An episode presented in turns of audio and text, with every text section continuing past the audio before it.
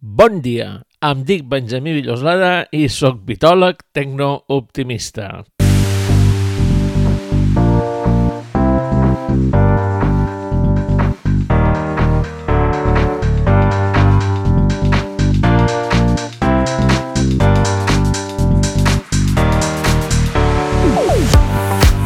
Benvinguts al sisè capítol de la tercera temporada que varen gravar el 9 de desembre de 2021. Moltes gràcies per escoltar-nos.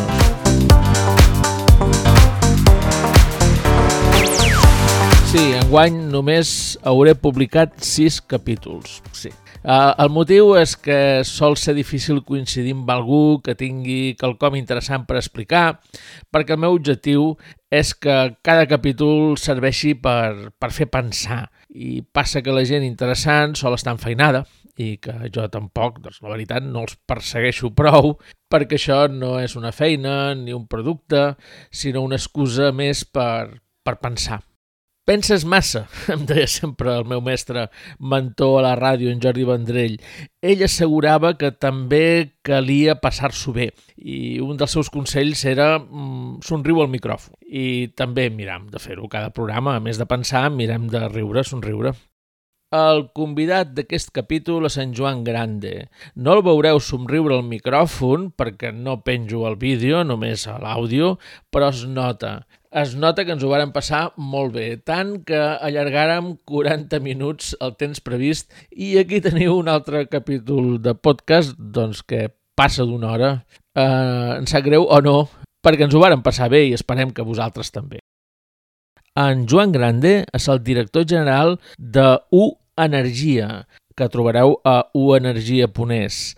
És el projecte més recent d'una empresa fundada l'any 1892, poca broma. I des del primer dia sempre han fet feina amb energia, primer en gas, després amb electricitat, també en fibra òptica, per la vocació tecnològica del Joan, una cosa que podreu entreveure al capítol que sentireu.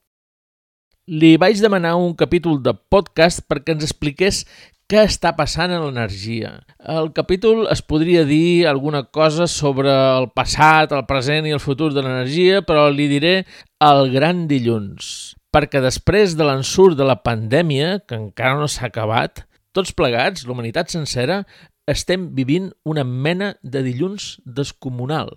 Com? Per què? És una cosa que se'ns acut a mesura que anem conversant. De fet, se'ns acudeixen tantes coses que per no dispersar deim que hem de fer més capítols que tinc apuntats a la meva llibreta, en el meu blog de podcasts i en ploma, clar, una cosa que va sorprendre enganyet el capítol anterior. Un capítol que ha anat molt bé. Mol moltes gràcies per haver-nos sentit tantes persones. Abans que no comenci la conversa amb en Joan, he de fer una rectificació perquè no vull menys tenir els oients menorquins. Quan parlo de l'empenta industrial, que té solla, faig servir la paraula illes en comptes de Mallorca, que és el que tocaria dir per solla. És un error, perquè en empenta industrial també hi destaca moltíssim Menorca. Menorca i Solla estan connectats per aquesta visió i ara, a més a més, també per fibra. Fins aquí la introducció al capítol d'avui. A continuació, una conversa sobre energia i més coses amb en Joan Grande de U Energia. Segurament, perquè ja ho veuràs, se sol fer interessant. Bueno, fantàstic. Ara ja representa que això s'estarà amatent. Estic molt content de tenir en nosaltres amb en Joan Grande, que me vaig trobar que a Twitter i a les xarxes socials en general, darrerament se parla molt de l'energia, també vaig escriure un article pel Via Empresa en el qual, eh, en cert punt, arriba a, donar-me'n, buscant, buscant informació, a donar-me'n que entre l'any 1920 i l'any 1970 varen duplicar l'esperança de vida. Llavors et preguntes què va passar en aquesta època? I dius, doncs mira, va, va haver el fred industrial, el meu article anava sobre el fred, també vàrem tenir l'electricitat i la penicilina sí, la penicilina també va ajudar molt a que dupliquéssim l'esperança de vida, però l'electricitat va tenir un pes molt important amb, amb això, amb que en comptes de viure 39 anys, que ni el Joan ni jo seríem vius. Bona tarda, Joan, o bon dia, a qui no s'escolti a qualsevol hora. Bones tardes, bon dia, hola, el que sigui. No, no serien vius, no?, si l'esperança de vida fossin 39 anys. No, no, desgraciadament ja, estaríem, ja seríem morts, però, bueno, tanta sort que ha hagut totes aquestes coses tan fantàstiques i ens permeten viure més. L'esperança de vida mitjana, hem de dir, eh? de la societat, que incluïa l'esperança mitjana i pesava molt el fet que hi haguessin eh, molta mortalitat entre nens petits, entre menors, amb moltes coses que també hi ha ajudat l'electricitat i la, la penicil·lina. Eh, I i el, el fet que l'electricitat fos tan, tan important em va fer recordar que, i, i veure que se'n parla tant darrerament a les xarxes socials perquè ha pujat molt de preu, aquest és un dels motius, i que se diguin, se redueixi molt sempre la, la discussió, em va fer pensar que un dia hauria de parlar-ne amb en Joan, perquè ell ja té una llarga trajectòria amb el tema de l'energia i, i possiblement vareu començar amb una cosa que no era elèctrica. Cert. Perquè busqueu el gas com a empresa. Això és una pista, és una pista important. Correcte, correcte. Bueno, al final, eh, la matriu de, de l'empresa és, és, és gas, que és, a més, com us coneix tothom eh, aquí a Solla, eh, dona igual el nom que tinguem, és el gas, la gent va en el gas. I, i bueno, se va fundar en 1892 eh, per, eh, per dotar d'enllumenat públic amb gas liquat a la ciutat de Solla. Això va ser l'inici, en un moment en què a finals del segle XIX pues, Solla tenia una capacitat industrial molt forta, tenia gent que tenia pues, bueno, molta empenta, molts de dubtes i moltes idees. I això és una combinació explosiva. I, bueno, pues, entre altres coses, se va crear, se va crear el gas. Justament, explosiva no. i el gas no, no ajuda, ja t'ho dic ara, no? Sí. No, des de luego. No, no heu tingut accidents, també s'ha de dir. Eh, sí, no, de, bueno, de fet, és, és gas eh, només queda el nom. Vol dir, de, de feines de gas, l'empresa ja no fa res absolutament. Eh, va anar canviant tot el negoci. Eh, de fet, durant els anys, de, sobretot de la Guerra Civil, eh, preguerra i postguerra, pues, bueno, l'accés en els combustibles era, era molt complicat. I bueno, per produir aquest gas que se produïa in situ aquí a Solla, en uns fons que tenien, cremant diferents materials, pues, pff, al final se, varen, se va fer un molt mal manteniment i, a més, com que se feien servir qualsevol tipus de material, pues, se van anar embossant les tuberies que estaven desplegades per la vila i, i a més, pues, bueno, havia comparegut l'electricitat, que era un gran competidor, que funcionava molt bé, que era més estable i que podia fer moltes més coses que el gas. I bueno, pues a partir d'aquí se va fer aquesta reconversió cap a, cap a lo que som avui, no? que és eh, bàsicament una empresa que dona serveis energètics en el sector elèctric. No? L'energia va passant de, del gas i de les coses que cremen, diguéssim, uh -huh. cap a l'electricitat i, com bé has explicat, Solla és un lloc singular. Bé, em penso que vos varen guanyar a l'Aro amb el tema de l'electricitat. Sí, som els segons. segons els segons. Sí, hi ha una franja a les Illes Balears que quan eh, parla amb algú que me diu que és de l'Aró, Lloseta, que són visc, la, bàsicament el Reiguer, des de l'Aró fins a Inca, o em diu que és de Solla, pens, eh, haurà un cert eh, gent que tu el dus a la teva, a la teva ADSL, la teva ADN, dus, dus un gent que, que té la part industrial posada que no sé si has trobat a faltar la resta de, de, les, de les poblacions de les illes. Realment, efectivament, eh, a Solla n'hi ha hagut eh, històricament moltíssima d'empenta. Eh, també jo crec que un poc duit per eh, l'aïllament físic. Vol dir, al final, molta gent sempre m'ho ha dit, no, Solla és una illa dins una illa. Perquè sí. ara, ara, ara tenim el túnel i ara és fantàstic i tot això. Però, però una illa connectada. Sí, correcte. Uh, en França. En, en França, en França, efectivament. Esport era una sortida molt més, molt més fàcil i, de fet, hi havia connexió directa amb Marsella i, a més a més, hi ha moltíssimes famílies de Sollo que tenen, tenen família a, a França perquè bueno, hi ha gent que va tornar, però hi ha gent que va allà directament. I... No, ja, ja t'ho dic ara, quan uh, família de la meva dona està a Montbazang, uh, a prop de Set, uh -huh. i quan estic a Set, pels ferros dels balcons, per les formes de les construccions, dius, això, Solla? Correcte, efectivament. Hi ha moltíssim, moltíssima influència francesa aquí a, aquí a Solla. I, i, i justament aquesta, aquesta, aquest aïllament per part de, de, de la resta de Silla pues supos que, bueno, pues, eh, ja saps que de la necessitat se fa, se fa la necessitat. i, i bueno, pues, tenien gent amb molta inventiva, sabien de fer moltes coses ells mateixos, eh, moltes vegades eh, havia serveis que només existien per ser gent de soia, eh, com, com, com podria ser la nostra companyia, que durant moltíssims anys només va donar servei a la gent de soia, vol dir, no, no, no havien sortit de, de la vall fins, fins ben passat, fins ben entrat el segle XXI. Uh, Sí, hi ha una serra allà que per la gent que mos escolta, que molts, la majoria són del Principat, que es diu del Fàbia, que era difícil de creuar, creuar amb carretó era molt difícil, tenir comerç amb Palma i amb el port de Palma i amb la resta de l'illa era molt difícil. I en canvi treure un vaixell d'un port natural com teniu a Solla i anar cap a França era fàcil, relativament mm. fàcil i vos trobeu amb una civilització molt més avançada avançada, sobretot a, perquè ha fet la primera revolució industrial, però abans ha fet la il·lustració, la il·lustració, la primera revolució industrial, tot això es fa a França. A França eh, també els hi costa molt portar les coses en carretó, llavors omplen tot el país de canals. El tema de transportar coses pel, per l'aigua per ells és una cosa natural, és la forma fàcil d'entrar um, a produir de forma uh, industrial i a, i a distribuir mercaderies, llavors distribuir-les i vosaltres distribuir, que ho vareu aprendre anant cap allà, perquè la zona del, del sud de França també està plena de canals, uh, distribuir les mercaderies per, per aigua de forma més, a, més a l'engròs, amb vaixells, això era el, el que es portava en aquell moment i Solla fa això, fa això en França i no ho fa en Palma perquè mm, guanya més pasta anant cap a França que no anant cap a Palma, que és donar una petita, un petit revolt pel mm. mar, no? Doncs no, és, és més fàcil és, o és més rendible anar cap allà. Llavors agafeu moltes coses d'allà i, i una d'elles és uh, el tren, teniu uh -huh. tren abans que ningú a les illes, el tren serveix per comunicar-vos uh, amb Palma, teniu llum abans que ningú. I estic molt content de parlar amb algú que és d'aquesta família que uh, va fer aquesta, aquests canvis a, a les revolucions, perquè tinc la, la, la, la idea que a les illes aquestes revolucions les han passades molt per sobre, que, que ni tan sols han fet gairebé l'il·lustració.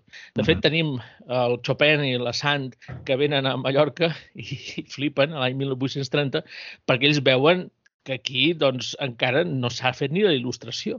No. I vosaltres a Solla sí que l'estàveu fent. Sí, jo penso que és això, aquesta, aquesta, aquesta influència francesa que va, ser, va tenir en seu moment, pues, pues sí, òbviament Ventura va dur, va dur aires nous que, que en el seu moment, pues, bueno, clar, si, si, si tenim en compte, i anem, ara tu has comentat de, del tema de, de George Sand i de, i d'en Chopin, però bueno, si, si, si xerrant de, del famós arxiduc, no? vol dir, al final, quan, quan va venir aquest senyor que venia del centre del món, no? d'Àustria, de Viena, que era, era el centre mundial en aquell moment, sí. i aquest home a terra a Mallorca, a terra no, que no se volava, del Pepe Barco, perdó, Uh, I, bueno, claro, és que va haver d'escriure un llibre de costums perquè aquest home va quedar meravellat de que havia, havia votat com a 150 anys enrere de lo que ell estava veient. Vol dir, va, va arribar a una economia de subsistència pura i dura. Sí, arriba a una mena de part d'atraccions, no? un ressort de, de, de l'era preil·lustració. Sí, sí. No, i a més, si, si, si voltes un port per, per, per Casela, per Son Marroig, per Sestaca, eh, fas, vas per Vall de Mossa, puges per camí de Sarxiduc... Eh, aqu aquell homonet se va fer com una espècie de, de mini parc d'atraccions, està tot ple de miradors fet per ells, eh, hi ha esquix, que és, un, és on, on s'anava a fer el banyito ell, vol dir... Eh, és com... Eh, clar, a més, aquest home que venia amb, amb una capacitat econòmica, pues, supos que il·limitada no? en, en aquell moment, pues, però bueno, va, va ser molt divertit perquè jo crec que ell s'ho va, va passar molt bé, va ser com si fos com si fos el senyor Livingstone que anava a Àfrica, pues, aquest home va venir a Mallorca i, i va escriure un llibre, vol dir, Dia Balearen, al final és, és com una espècie de compendi de costums de, de sa Mallorca de, del seu temps, que per ell jo crec que li va, li va resultar com una cosa espectacular, no? És, devia, devia flipar aquest home de, de lo que havia vist. Etc. I, I va viatjar sí. molt, vol dir, al final va decidir quedar a Mallorca, però és un home que havia viatjat per tot el món. Uh, havia estat a Àsia, havia estat a Estats Units, i, i encara així aquí a Mallorca va ser com una espècie de, de xoc i al final és, és on, on, on ell va decidir viure una, una gran part de la seva vida, no? És curiós. Ell té una mena de síndrome de Stendhal, no? Quan, quan arriba aquí, li agrada molt el paisatge. Clar, sí, d'acord, està a Àustria molt a prop de Venècia, era la part de la cultura europea, una part molt important. Eh, el clima però tampoc acompanyava tant. Si tot això ho podies executar més cap al sud, eh, molt millor perquè era un paisatge eh, més inspirador, el, el clima tenia molta importància. No? Mm. I encara que passem de tant en tant fred, ara ens venen tres mesos, ja està, s'haurà acabat. Cap al mes de març ja tot tornarà a la normalitat. Ara es venen tres mesos una mica durs, però la resta de l'any és molt agradable. Llavors, eh, en una època en la qual l'energia per escalfar-se era complicada, possiblement eh, servia per inspirar-se. I ara hauria de servir per inspirar-se per altres coses, però possiblement no és el tema del podcast d'avui, en podríem arribar a fer dos. Parlem de l'energia. Vosaltres passeu del gas cap a, a l'electricitat, a més a més dius que sou el segon de les illes. Correcte. Eh, com, com va això? Bueno, pues, eh, moltes fàbriques... bueno, realment, eh, si, si, l'electricitat qui la va muntar a Sollo no era el grup empresarial del gas, sinó que va ser sa competència. Eh, o sigui, al final, eh, el, durant els anys 20, si no recordo malament, eh, se va crear una societat que és Elèctrica Soirense, que no formava part dels grupos gas, vol dir, sinó que venia, era, era, era, feia una altra, una altra activitat, el gas estava fent gas i estava, estava content fent el seu gas i donant els seus serveis. No, va, va durar molt. Uh, jo, jo tinc una mica de, de referències del món del gas mm. fins a l'època, per exemple, que va volar el Carrero Blanco. Mm. I no, no serem políticament correctes perquè si no es tancarien el podcast, però la primera cosa va ser que havia estat una explosió de gas perquè eren força habituals i, de fet, el meu sogre, com a advocat, feia feina per l'empresa de gas de Barcelona en aquella època i un dels problemes grossos que tenia el gas era les explosions una al darrere l'altra. Era molt habitual que hi haguessin explosions de gas. Llavors, la primera idea va ser ens han carregat el Carrero Blanco. Això, això és el que va córrer a l'empresa en aquells moments franquista, tota, que estaven absolutament espantadíssims. Normal. I, I fins que no es va saber que no, era, no havia estat una explosió de gas i van respirar tots amb tranquil·litat, ho varen passar molt malament. Molt I sí, e, e, era, un, era una tecnologia realment complicada. Per això abans, quan has parlat de... de has dit la paraula explosiu, dic, ostres, eh, m'he recordat les històries que m'explica el, el meu sogre sobre com ho van arribar a passar de malament gestionant el gas i com això ha anat millorant amb el temps, ha anat millorant d'una forma tremenda, perquè ja sí. no se'n parla d'aquest tema, però abans, si passava alguna cosa, era, era el gas, no eren els terroristes. Home, és que si... Bueno, ara nosaltres aquí tenim un parell de, de tuberies antigues, de, que, bueno, de fet, aquestes tuberies mai s'han arribat a, a desenterrar, vol dir, continuen allà enterrades i, bueno, si qualque dia se fa una zanja, de vegades mos trobem qualcuna. Però són tuberies ceràmiques, eh, molt gruixades, de 4 o 5 dits, no? però eh, molt gruixades i, i clar, lo raro és que no passessin més coses. És, és increïble, clar, estem avesats a sacer i a les coses aquestes que suporten pressions infinites i, i gas liquats i coses d'aquestes, però, però bueno, en aquest moment va ser un esforç eh, tecnològic molt important perquè, a més, du cap a, cap a una banda remota, no? com, com era com Mallorca en aquest moment i Solla.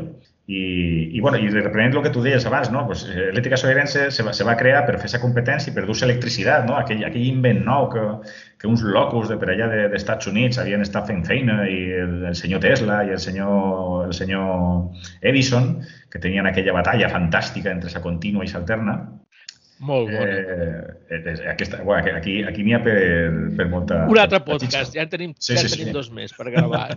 I, I, bueno, a poc a poc se va desenvolupant, com t'he dit, durant l'època de, de Guerra Civil, el tema del gas va anar decaiguent de, de, forma, de forma molt patent perquè pues, l'electricitat pues, tenia molt més usos, era més fàcil de fer servir, eh, no era tan perillosa i a més no s'havia fet un bon manteniment. El que passa és que aquesta empresa elèctrica soirense pues, no, no, no se va fer una bona gestió i en un moment determinat eh, pues, bueno, el gas va assumir la gestió d'aquesta electricitat eh, comprant aquesta, aquesta empresa i, i bueno, la forma de, de generar o de donar electricitat, perquè clar, ara, estem connectats a les xarxes, a grans centrals de generació, però bueno, en aquell moment, igual que no n'hi havia grans, grans, grans xarxes de distribució, tampoc hi havia grans punts de generació. I aquí a Solla, principalment, doncs, durant molt d'anys, fins l'any 64, eh, hi havia, el primer de tots, va ser un salt d'aigua, un petit salt d'aigua que està a sa costera, a la Serra de Tramuntana, eh, just abans d'arribar a, a, a Lluc, a Lluc, perdona, no, a Tuent, durant molt d'anys, eh, aquesta, aquesta va ser la font d'electricitat eh, de Solla, a més és un salt d'aigua que, que té aigua tot l'any. amb unes instal·lacions que era curiós perquè hi havia d'haver un guardés uh, 24 hores, de fet vivia allà, uh, pues, bueno, vigilant la maquinària i que tot funcionés correctament i bueno, en aquell moment també les màquines tenien moltíssim de, de manteniment, s'havien d'engreixar cada dia, s'havien de mirar, tot com a molt... És una pena perquè a més aquestes instal·lacions... No hi havia engreixos d'aquests anteflor ni aquestes coses? No, que no, que va, que va, que va, no, no. Era, era, era tot un poc més rudimentari. I, I és una pena perquè aquestes instal·lacions eh, existeixen encara, vol dir, no s'ha desmantelat eh, a nivell elèctric, existeix la caseta, existeixen els tallers, existeixen les dues màquines que amb el moviment d'aigua generaven eh, aquesta electricitat, perquè al final eren, eren bombes de rotació, Uh, i, i és una pena perquè no se mantenen, ningú les ha, ningú les ha mantingudes i se poden anar a visitar, vol dir, està, està pràcticament... En aquests moments no hi ha tanta aigua, poder, no, no hi cau tanta per la costera, o sí? Bueno, la costera se va, va ser expropiada per, per govern uh, l'any 2007, si no recordo malament, i ara aquesta aigua el que se fa servir és per bombejar-la en els aqüífers de Palma, ja no se fa servir per generar electricitat. Ah, molt bé. I, però bueno, durant molt d'anys... aprofitant. Se continua aprofitant, però per s'aigua. Val? Hi ha una estació de bombers enorme eh, que puja cap a la muntanya i després, eh, amb la gravetat, davalla per omplir els aqüífers de Palma. I, i bueno, pues això és el que dèiem, no?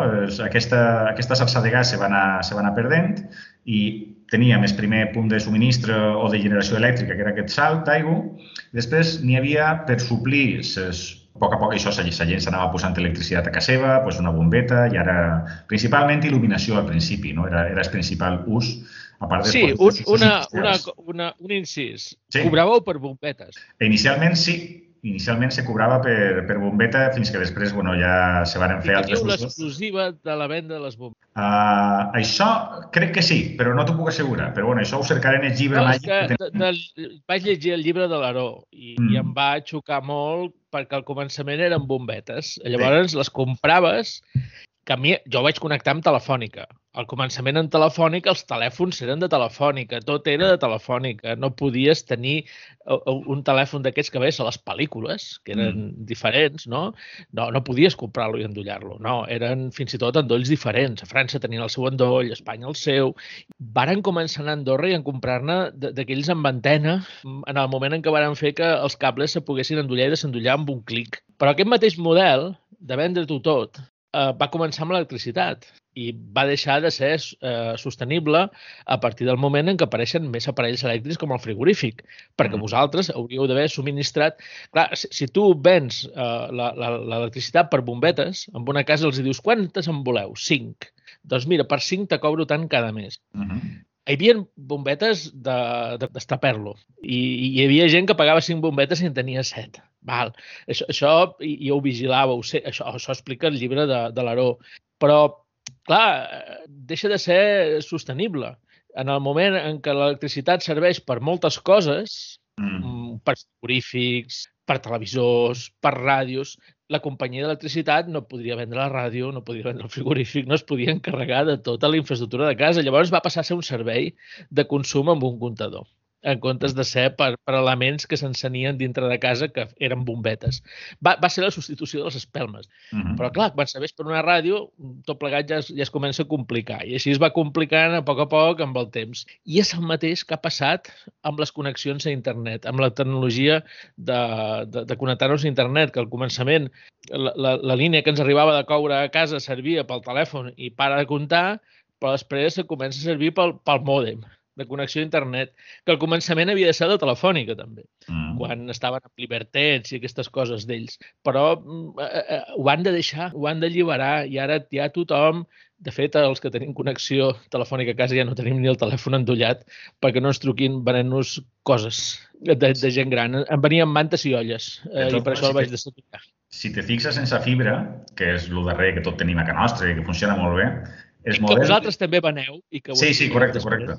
Però si te fixes, els operadors, eh, per temes de compatibilitat sense les seves connexions, eh, encara és molt difícil eh, que tu posis un router que no és el que te, no és el que te proporciona l'operador. Ja, sí, ui, ho posen complicat. Ah, es pot aconseguir cercant informació, però ja no és cosa de...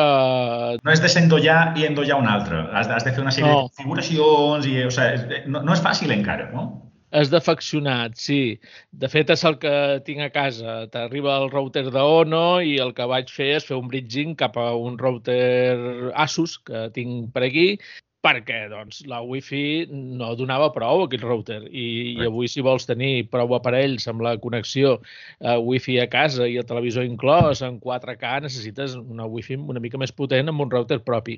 Eh, fer aquesta feina te l'ha de fer el, el cunyat informàtic Correcte. o el cosí informàtic o el fill o l'amic informàtic. És com, eh, abans eren les impressores, ara són els routers. Sí.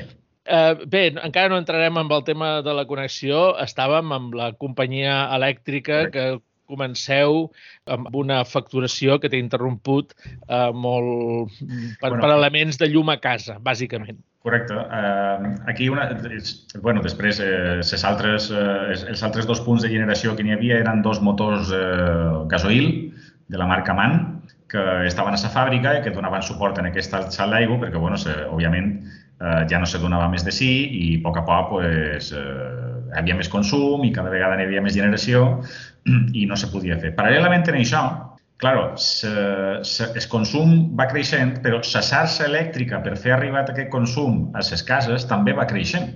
I en un moment determinat tot això no estava normalitzat. I a Solla, com a una curiositat extra, se va muntar una xarxa elèctrica eh, diferent de la que se feia servir a la resta de Mallorca, amb un voltatge diferent. Aquí a Solla hi havia una xarxa de distribució de baixa tensió de 150 volts i a la resta de Mallorca hi havia de 127 volts. I aquesta xarxa, com a curiositat de 150 volts, ha estat viva donant servei a clients fins l'any 2010.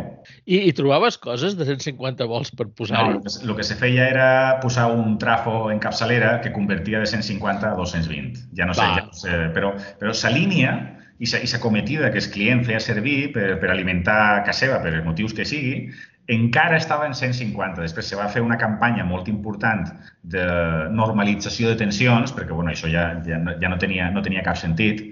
Avui en dia sí que estan les xarxes elèctriques normalitzades, eh, almenys a nivell europeu, i, però bueno, és curiós fins al 2010 totes aquelles xarxes que s'havien muntades durant els anys 40 i 50 encara eh, hi havia qualque client que, que estava alimentat per elles, no?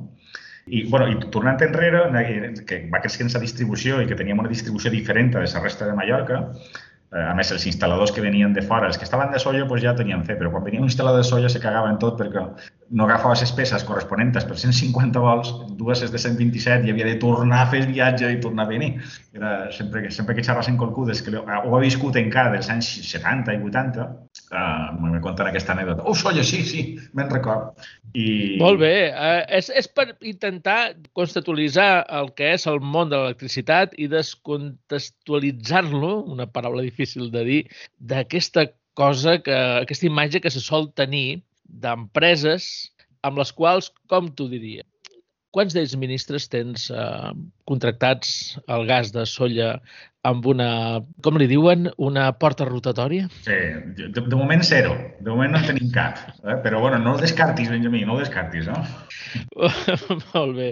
No, és que hi ha aquesta imatge, però no, són empreses, eh, també hi ha lloc per a empreses locals que varen fer tot aquest procés eh, d'un servei local que han anat després agafant empreses molt grosses i que podria ser que ara també tingués una altra vegada lloc per a aquestes empreses locals que amb el que esteu posats. Però abans d'entrar en l'electricitat farem un petit eh, un contrapunt per dir que també vareu veure que Solla fos la primera vall de, no sé si d'Europa, completament coberta en fibra òptica. Correcte. Sí, sí. Bueno, aquí el tema de, el tema de les telecomunicacions crec que han, han estat un dels fets diferencials en quant, eh, per jo, bàsicament és, perquè al final, si ho simplifiques molt, una xarxa de telecomunicacions l'únic que fa és transportar informació.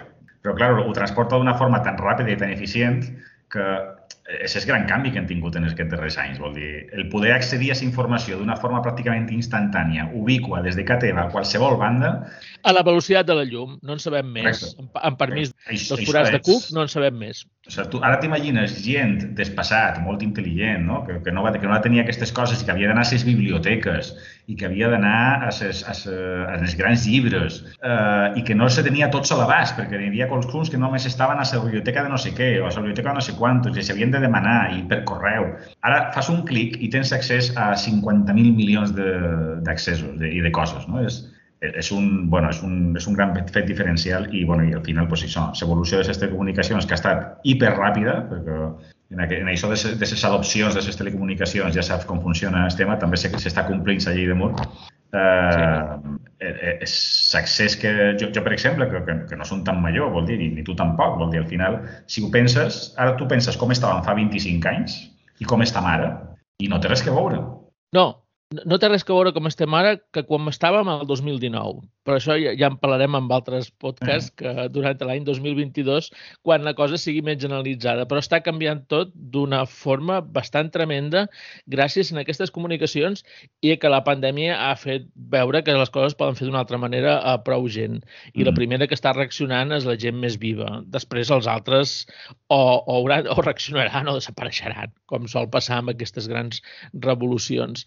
Però tu vares veure la importància de la fibra i Solla vareu ser com una mena d'oasi fins en el moment en què la fibra se fa generalitzada a totes les illes, però fins al 2015 me'n recordo que vares venir un dia a una Mediterrània amb el programa de ràdio que teníem per explicar que a Solla tenen fibra i que a més a més gestioneu la facturació en programari lliure, amb l'OpenRP, que ara es diu mm. Odoo, i que això era una cosa per nosaltres per explicar, no? Un lloc que ha entès la importància importància de la fibra i ha entès que el programari lliure és una forma de fer que una empresa local petita pugui ser potent perquè no sé si vols fer alguna pinzellada sobre el Odoo, perquè el, que en aquell moment no sé si encara es deia OpenRP. Sí, sí, sí, de fet és, és així. Uh, bé sigui aquest o bé sigui qualsevol altre, vol dir, tornem en el mateix punt, uh, el programari lliure el que, el que ha permès és que uh, tecnologies que només estaven a l'abast de grandíssimes corporacions o dels grans capitals estiguin a l'abast de qualsevol. I això també fa que se democratitzi un poc la eh, tecnologia. Vol dir, ara, sense la feina que va començar el senyor Richard Stallman en aquest moment, eh, indicant que el camí no era que les grans corporacions controlassin tot el software i, a més a més, és una cosa que s'ha aconseguit, eh, permet... Es deia que estaven bojos, eh, fa 10 anys, però No, no, però, però completa, completament bojos i, bueno, i segurament ho estaven, però, però per qualcú. Ara, l'accés que, que n'hi ha informació és absolutament impressionant, vol dir. Te permet, te, és, és, és, és això, te permet fer tecnologies que no estaven en el teu abast uh -huh. i que ara les pots fer servir d'una forma... No, no m'agrada la paraula gratuïta, m'agrada dir més lliure, val? Perquè les coses gratuïtes també impliquen un, un, un... Sí, no. bé, en fi, és lliure. És, és un error típic, parlar de, de preu de llicències quan no és la llicència el que s'hauria d'haver venut mai. No, s'han de vendre altres coses. Correcte. I el programari és el foc, és, és com el foc dels encenedors, que es passa d'un lloc cap a l'altre. No, a negoci és el tabac, ara ja no, ara estem, estem sent políticament incorrectes, però coses que se puguin encendre, no ho sé. Uh, durant molt de temps ha estat important, però el foc es podia passar. Uh -huh. Doncs això és el mateix, eh, va per aquí la cosa. Correcte. Eh, el que es pugui fer amb una cosa que, que crema i no amb l'encenedor, amb el foc en si. Uh -huh. Aquest era l'esperit del, del programari lliure, així molt explicat de fons. Llavors ara hem fet una, una mica de... Ens, ens hem situat, tenim un context, una empresa que comença amb el segle passat no a l'altre, una empresa que passa del gas cap a l'electricitat, que la seva infraestructura de xarxa en algun moment la utilitza també per donar connexions de fibra, que la facturació la fa en programari lliure, que té una visió que no té per què no fer el que fan les grans empreses, perquè és possible, i d'això ens esperen encara moltes coses interessants perquè, com deia, des del 2019, des de Mallorca, gràcies a aquesta fibra i des d'aquí per primera vegada podem treballar en productes de primer nivell que abans els feien ells i ara els podem fer nosaltres també. Estem, estem canviant moltes coses gràcies a aquestes tecnologies. També hem parlat de que amb l'electricitat havíem aconseguit, entre altres coses, doblar l'esperança de vida durant el segle passat.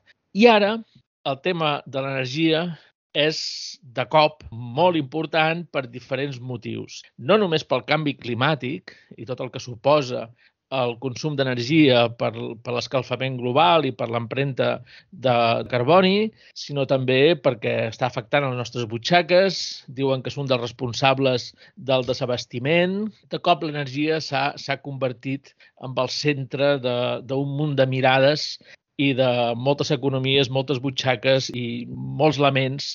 I quan passen aquestes coses hi ha una quantitat de soroll tan gros que és molt difícil saber on hi ha la realitat. És, és una mica com m'explicava no fa gaire algú de la pel·lícula Matrix. És una història budista de que per saber què està passant realment al món l'has de parar, l'has d'aturar. El protagonista atura el món i llavors veu com venen les bales, perquè les bales són de Matrix, que no és, no és una realitat. Però si tu ets capaç d'aturar el món, veuràs la realitat. Llavors, amb el tema de l'energia, tinc la sensació de que algú hauria d'aturar el món perquè ens digui quina és la realitat, què és el que realment està passant amb l'energia i, i cap a on anem, si realment tot és tan catastròfic i si ens estem acostant cap a un col·lapse mundial per mort de l'energia. I tu hi estàs molt posat amb un, amb un projecte modern, a més a més, que també segurament ens podries explicar, i, i és fàcil que ens ajudis a veure que, quina és la realitat. Fes aquest exercici, si pots, per nosaltres, aturar el món i explicar-nos què passa realment. Uh, pues, bueno, mira... Uh, jo fes de neo, fes, fes de... Sí. de... jo crec que el primer, lo primer que hem d'entendre eh, és que eh, l'electricitat en concret, perquè quan xerram d'energies hem de pensar que energia no és energia elèctrica, l'electricitat és una de les energies que fem servir cada dia, com fem servir altres, com pot ser el petroli o com pot ser el gas o com pot ser eh, qualsevol altra. Val? En concret, en l'energia elèctrica, una de les coses que hem de tenir molt, molt en compte, i és el gran hàndicap d'avui en dia, és que l'energia elèctrica, de moment, fins ara, no hem après a emmagatzemar-la per poder poder-la fer servir en un altre moment que quan se genera. Aquest és un dels principals hàndicaps que té l'electricitat avui en dia en el món modern, segle XXI, estem arribant al 2022 i això encara no ho sabem fer a gran escala. Se comença, se comença a, a anar cap allà, però no ho sabem fer. O sigui, actualment, tota l'energia que estem consumint s'està produint en el moment del consum. Llavors, això implica que no podem dependre d'una sola tecnologia per poder generar aquesta energia elèctrica. Val? Això és el que eh, se, se, se, se denomina comúment és mix d'energia. Per tant, de mix d'energia són totes les tecnologies necessàries per que el subministre elèctric sigui constant al llarg de les 24 hores del dia. Llavors, eh, si xerram de renovables, tenim la solar i la eòlica, que són fantàstiques, són meravelloses, són el futur, però depenen de factors climàtics. Per tant, no estan actives les 24 hores del dia. Hi ha vegades que bufa el vent, de vegades no. Hi ha vegades que fa sol, de vegades no. Per tant, no són, no són estables. Hem de cobrir els forats que deixen aquestes tecnologies a les que cap a, cap a on volem anar amb altres tecnologies que siguin arrancables de forma al gust. ¿vale? Vol dir, no, no, jo ara vull arrencar, vull aturar. Vale. Què tenim més? Uh -huh. Tenim eh, cicles combinats que cremen gas natural, Val? Aquestes són relativament fàcils d'aturar i d'encendre.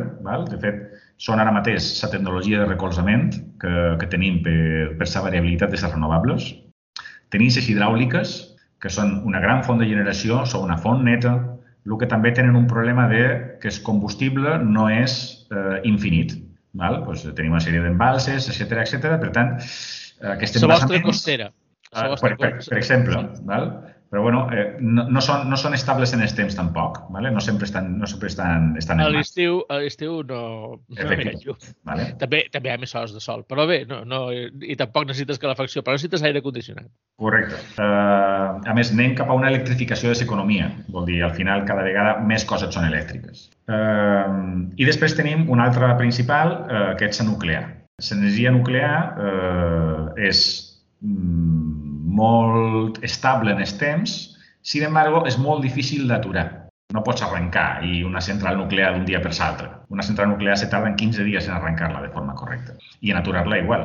Per tant, eh, la nuclear se fa servir de tecnologia de generació base, de càrrega base, que se diu. Aquesta està encesa tots, tots els dies de tots anys. I això ens dona el ladrillo inferior de càrrega. I després, les puntes de consum les hem d'anar cobrint amb altres tecnologies. Quan n'hi ha eòlica, fantàstic, quan n'hi ha solar, fantàstic, quan no hi ha cap de les dues primeres fent servir els cicles combinats, també tenim algo de biomassa, però les principals que tenim ara mateix en el sistema elèctric espanyol, per exemple, són aquestes. Tenim 27 gigawatts de potència eòlica instal·lada, 10 gigawatts de potència solar instal·lada, 7 gigawatts de potència nuclear instal·lada i 28 gigawatts de cicles combinats. Això, tot sumat, suma molt més de lo que realment necessitam en el sistema elèctric espanyol. En, si sumes totes les tecnologies que, que nosaltres tenim instal·lades, les eh, puntes de consum més o manco en Espanya han arribat a 40 gigawatts i nosaltres en tenim 110 gigawatts instal·lats, justament per això. I perquè n'hi ha una cosa que se diu factor de càrrega. És, en relació de la potència instal·lada, quant de rendiment fa servir. Per exemple, la solar té un rendiment del 25%. Per cada 100 que jo tinc de potència instal·lada, només estic produint 25 reals al llarg del temps. ¿vale? La eòlica té un factor de càrrega del 30% i la nuclear té un factor de càrrega del 90%. Aquesta és, aquesta és lo, lo que denominem... El motiu quin és de diferència la, la fiabilitat? No, el motiu és que eh, és la variabilitat. Lo que, com hem dit, la nuclear sempre està arrencada Vale? I a més, el combustible és un combustible molt estable, vol dir, no, no l'has de recarregar constantment, eh, és, no ho hem d'oblidar, la nuclear és neta si miram el tema d'emissions de carboni. Sí. Podem xerrar de residus, vale? però si miram temes d'emissions de carboni, la nuclear és 100% neta. I l'eòlica el que té és que no, està, no bufa sempre el vent. Ara, per exemple, ahir varen batre el rècord de generació eòlica a Espanya, eh, perquè bufava el vent per tota Espanya, fenomenal, fantàstic, però hi ha dies que no bufes vent, res. I per tant, tot aquest 28 gigawatts de potència instal·lada no estan generant absolutament res. Això és el que redueix el seu factor de càrrega, perquè no, no, depenent de factors climàtics. bueno, tot aquest rotllo, que us, us ha mullat ara, Uh, no, clar, és... ho, has, ho has de saber, eh? Vull dir, és allò d'obrir l'aixeta i que hi surti aigua.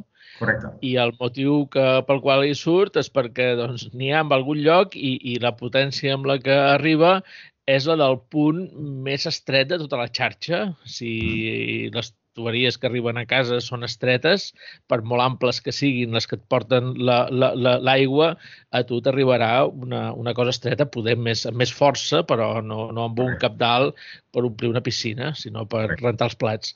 Eh, sí, és, és més o menys el, el mateix que passa també a les xarxes de bits i tot el que sigui distribució, no? La, la, la vols i ha de ser en algun lloc en aquell moment.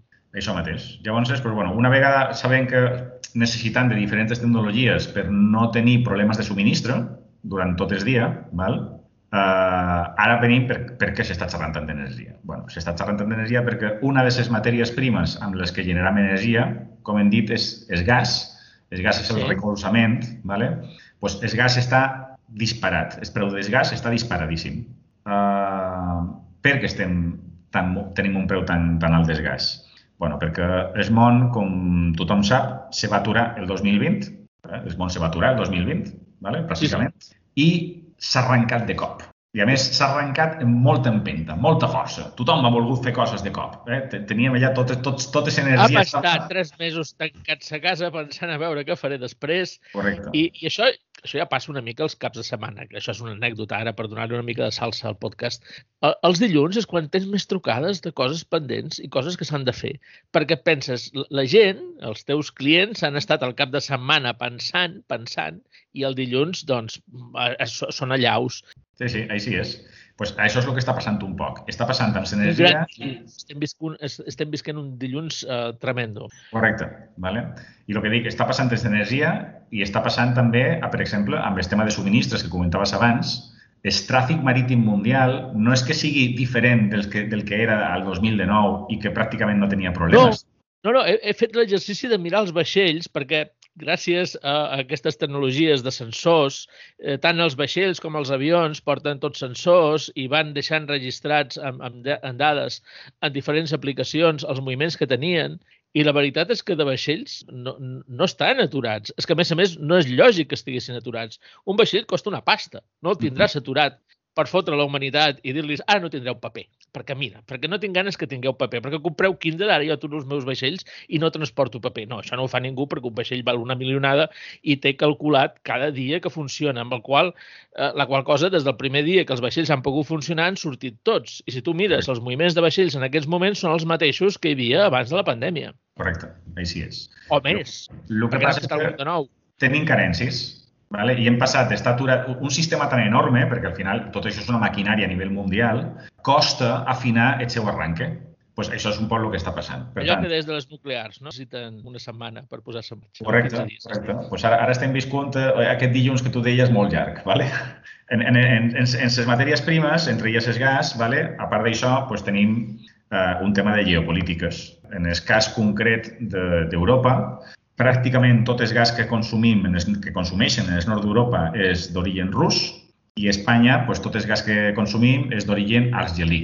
Per tant, també estem, bueno, estem eh, són, són gent que tenen, diguéssim, que tenen problemes en aquests moments, no? Tant els russos com els argelins. Els, els russos sempre. I els, que... i els argelins també, quina casualitat. Sí, tam, vol dir, al final, dependre de, dels combustibles fòssils que normalment se generen en països pues, amb altres polítiques, ho deixarem així per ser políticament correctes, ¿vale? pues això genera una, una incertesa i, i és un dels motius pels quals eh, Europa vol transitar tan ràpid cap a una independència eh, energètica. Mm. Val? Tot aquest, eh, tota aquesta pressió que estem fent per passar a ser eh, superverds i passar a eòlica i ser independents energèticament, a part de, a part de per, per, tema, per tema clima, que òbviament jo el comp, però a altres esferes el tema clima no és l'important. El més important és independència energètica referent dels combustibles fòssils, perquè si no se produeixen extorsions i se produeixen problemes polítics i al final, si penses, pràcticament totes les guerres del segle XX han estat subjacents en temes energètics, mm -hmm. recursos econòmics, etc etc. Llavors, però, bueno, tenim aquest plantejament. Tenim un gas que és molt car, nosaltres tenim una tecnologia que per suplir les renovables eh, hem decidit que siguis gas, i, a més a més, ja per, per, per arrodonir, hi ha un impost... Nosaltres a Solla no, en general. Uh, no volem nuclears i volem Correcte. utilitzar gas natural, que la paraula gas natural és una mica una perversió. De fet, diuen que el Durran Farell, aquest personatge que va ser el que va portar el gas d'Argèlia cap a, Espanya i mitja Europa eh, i va fundar gas natural, va dir que el nom gas natural era perquè si no, no es vendria. Uh mhm. -huh. No sé com es deia abans, de, de, de ser gas natural. Pues, bueno, tècnicament altres noms, perquè és eh, GNL, GLP, o sigui, gas natural licuado, gas licuado no sé quantos, vol dir, té una sèrie de... Ho deixem, ho deixem per qui vulgui investigar la història del Duran Farell, que en algun moment diu si no li diem de gas natural, això no ho vendrem. I la va encertar. Correcte. I, bueno, una papallona de logotip. Sí, és cert. Eh, eh, en el seu moment... Colors. En aquest moment el gas eh, hem de pensar que era un combustible eh, residual, vol dir, el, el combustible important era el petroli. Més o menys ja sabeu que normalment els jaciments de gas i petroli se troben conjunts, normalment hi ha una bossa de gas damunt d'aquesta bossa de petroli, ¿vale? eh, el, el, el gas no se feia servir, no, no tenia ús. I després, se va, com que era una, una, una font de, molt, molt abundant, no se feia servir molt, no tenia, no tenia tanta demanda com ara i era molt barata i van dir, fantàstic, el gas m'ho farà eh, de, de, de reserva. Val? pues això ha canviat. I a més a més els europeus, que estan liderant el canvi climàtic cap a, cap a, cap a les energies verdes i cap a la sostenibilitat climàtica, s'han inventat un impost verd que se diu derechos de emisiones. Per cada tona que s'emet cremant combustibles fòssils a l'atmosfera... Inclou el gas natural Efectivament. Vale? Uh, se, bé, se fa... natural, hem de dir que la Lluna també és natural, però allà no hi viuríem. El gas natural és un combustible fòssil, igual que és petroli. Per l'atmosfera és tremendo, sí, sí. I, a més a més, el que passa és que és el, més, és el menys contaminant dels combustibles fòssils. És l'únic avantatge que té. No és, tan, no és tan greu com la benzina o com el fuel oil, ¿vale? però és contaminant. Per tant, per cremar gas se paguen un 3 d'emissió. I aquests d'emissió estan sotmesos també a, a especulació. Claro, el que havia de ser com una espècie de petit impost eh, que va començar pues, amb una cosa residual, 10 euros, 15 euros per cada tona emesa, ara estem en 89,76 euros per cada tona. Vale? S'ha multiplicat per 10. Mm -hmm. Per tant, tenim un gas molt car, que passava, ha passat d'estar a 20 euros a estar a 100 euros, eh, tenim unes, un tres d'emissions que no existien i ara existeixen i a més a més d'existir són molt cars, doncs la tormenta perfecta. I després tenim una altra cosa que és, ho heu sentit segurament a les notícies, que és el sistema marginalista. ¿vale? Això d'imaginar Uh, bé. Esto, sí, sí, està, explica-ho, està molt bé. Explica-ho, explica-ho. Bueno, quan, quan, quan, quan ara estem xerrant dels preus d'energia, que els preus d'energia, sempre estem xerrant dels preus d'energia en mercat majorista. ¿vale? És sempre aqu aquella, aquells datos que donen. No, avui els preus són 226 euros el megawatt hora. Que això no ho compres tu per la gent de Solla Correcte. i ara de tot Mallorca. Bé, ja, ja després ja faràs l'espot si vols. Vale, I si no, poden trobar. Amb quina marca t'han de trobar? Anem, perquè ens, ens ho passarem. Vinga, I, U Energia. U Energia.es poden trobar tota la informació. Molt bé. Segur ja, que... Gràcies, Benjamí. Uh, bueno, pues, i de, doncs això... així, que sé allà on ho compres, en el mercat majorista. Estaves vale. parlant del mercat majorista. Correcte. Pues el mercat majorista és marginalista. Vale? Uh, totes, uh, en el mercat majorista acudeixen els productors per un costat, els generadors de totes les tecnologies i és les comercialitzadores, que són les que realment compren aquesta energia per, per després eh, vendre-la als clients finals. Vale? Se, van fent, eh, se fa una cassació, vale? 24 països europeus eh, comparteixen un algoritme que se diu Eufèmia, que s'envien totes les ofertes eh, i, de, i les demandes cap a Holanda. Són, sona malaltia. Sí, sí, sí. Bueno, pues és un poc perdut. Però bueno, és un algoritme que està, està molt xulo i si, si tens temps de, de llegir un poc al respecte està molt bé perquè a més és un algoritme tremendament robust i se fa, és, és una cosa molt divertida, fa molt bé que funciona. I això el que torna és un preu de cassació que casa la millor oferta amb la millor oferta, oferta de compra amb la millor oferta de venda. Val? Aquest punt de cassació marca el preu per totes les tecnologies que s'han presentat en el mercat. Ja. Vale? Per tant, com que dona igual que siguis una hidràulica, una, perquè com, com, que, com hem dit, per generar energia o perquè tinguem energia cada dia, han de, han de concurrir una sèrie, diferents energies. Cada dia totes funcionen al mateix temps. totes acudeixen en aquest mercat, se va comprar, i dona igual que siguis una nuclear, que té un preu de producció determinat. Dona igual que siguis una hidràulica, que el preu de producció d'una hidràulica és ridícul perquè és combustible gratis. Una solar, que li passa el mateix. Una eòlica. Totes tindran el preu de la més cara de totes. Ja, ja, queden, queden, queden marginades, per això no, no, se diu, no, no se diu marginalista per això, ja ho sé, però deixa'm fer l'acudit. Les, les netes queden marginades pel cost tan gros que tenen les no netes. Correcte. Val?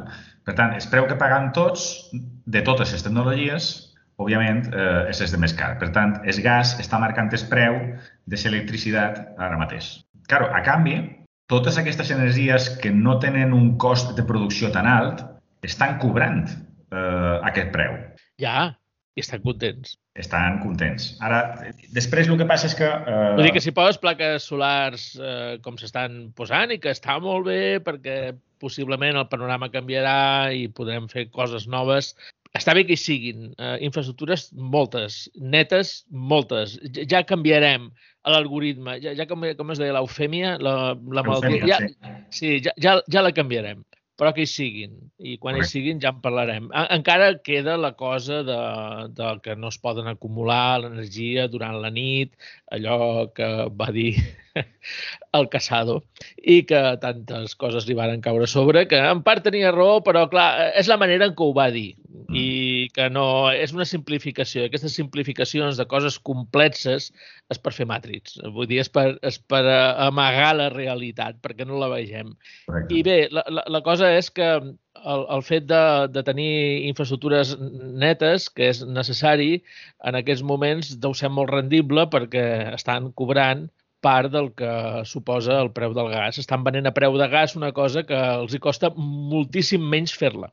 Més que res perquè és, és, gran, és gran benefici que tenen ells és que és combustible, no necessiten comprar-lo. És combustible és natural, és vent no se compra i el sol no se compra. Per tant, no. Se, se... I, I ho estàs venent al preu dels que s'esbarallen amb argelins i en russos. Correcte, correcte. Això és un poc el resum de lo que està passant un poc ara. Uh, claro, totes les coses totes les... Sigui, vol dir, això ara mateix li podem dir, això és una crisi energètica equivalent a la que podria haver en els anys 70 en la crisi del petroli. Sí, sí, sí. Val? és, és el mateix nivell, perquè a més no només ho està patint Europa, Europa és una de les que està patint, ¿vale? però bueno, això està patint a nivell d'Àsia, eh, a nivell dels Estats Units, etc etc. Vol dir, energèticament, a nivell global, eh, el preu de l'energia està, està sent car. ¿vale? Claro, què passa? Que ara, per exemple, perquè és que és, és supercuriós, eh, els, els, els barcos de GNL, ¿vale? de gas natural liquado, eh, aquests vaixells, quan, quan pol·lulen per la mar, que, te, que tenien previst un destí se van fent subhastes amb aquella càrrega i durant el viatge poden canviar de destí segons qui és el que puja més alt. Ja, ja, ja. ja. Mm, pues aquí és el millor postor, ¿vale? Entonces, pues bueno, és un poc és per, per, bueno, per, per, per il·lustrar un poc lo que, fins a on pot arribar aquesta voràgine, voràgine energètica, no?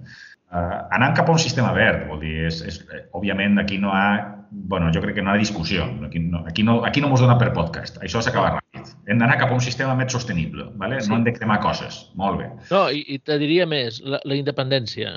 Aquesta independència que vol d'Europa del gas, no la podeu tenir a Solla? Ja que porteu anys d'avantatge, que ja, ja, ja hi porteu tant de temps fent coses, perquè, a veure, me trasllado l'any 2017. Estem fent el data center del govern, qui guanya el concurs és una empresa que ho munta tot amb, amb la gent de Schneider. Schneider és una de les companyies de material elèctric més grosses d'Europa i, i un dia tinc el privilegi de poder fer un, una trobada amb un dels caps de Schneider perquè estan el nostre data center ha quedat molt bé, que hi ha al carrer Sant Pere del Govern, el volen veure, els agradaria fer fotografies, fer un reportatge, explicar-ho com un cas d'èxit. Al final no se va arribar a fer perquè tot és molt complicat en comunicació amb un govern i quan algú vol publicar coses eh, sempre hi ha, en nom d'una empresa, sempre hi ha suspicàcies i, i que penso que va quedar no res, però vaig tenir l'oportunitat de, de tenir una trobada amb algú important de Snyder i li pregunto quin és el futur de l'energia i em va dir els grid locals Mhm. -huh. Vull dir que sí. aquestes plaques i aquestes coses, si ens posem d'acord en que no volem gas, que volem tenir contacte només amb certa gent i, i entre nosaltres el que produïm ens ho repartim, mm, podríem arribar a tenir una independència a nivell de, de barri, de poble, d'illa de cases, de...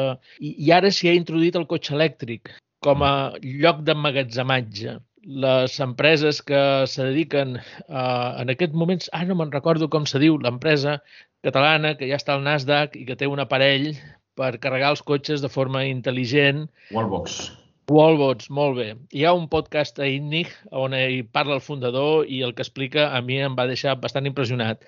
Uh, tu amb el teu cotxe vas a la teva empresa, carregues i quan arribes a casa carregues amb un preu millor perquè és de dia i carregues el cotxe durant el dia, al pàrquing de l'empresa, al pàrquing del supermercat, en els llocs on vas durant el dia i quan arribes a la nit, l'endolles a casa i allò et dona energia suficient a la teva casa com per passar tota la nit, fer les rentadores, veure les teves sèries i les teves coses i el dia següent una altra vegada i, i tornem-hi.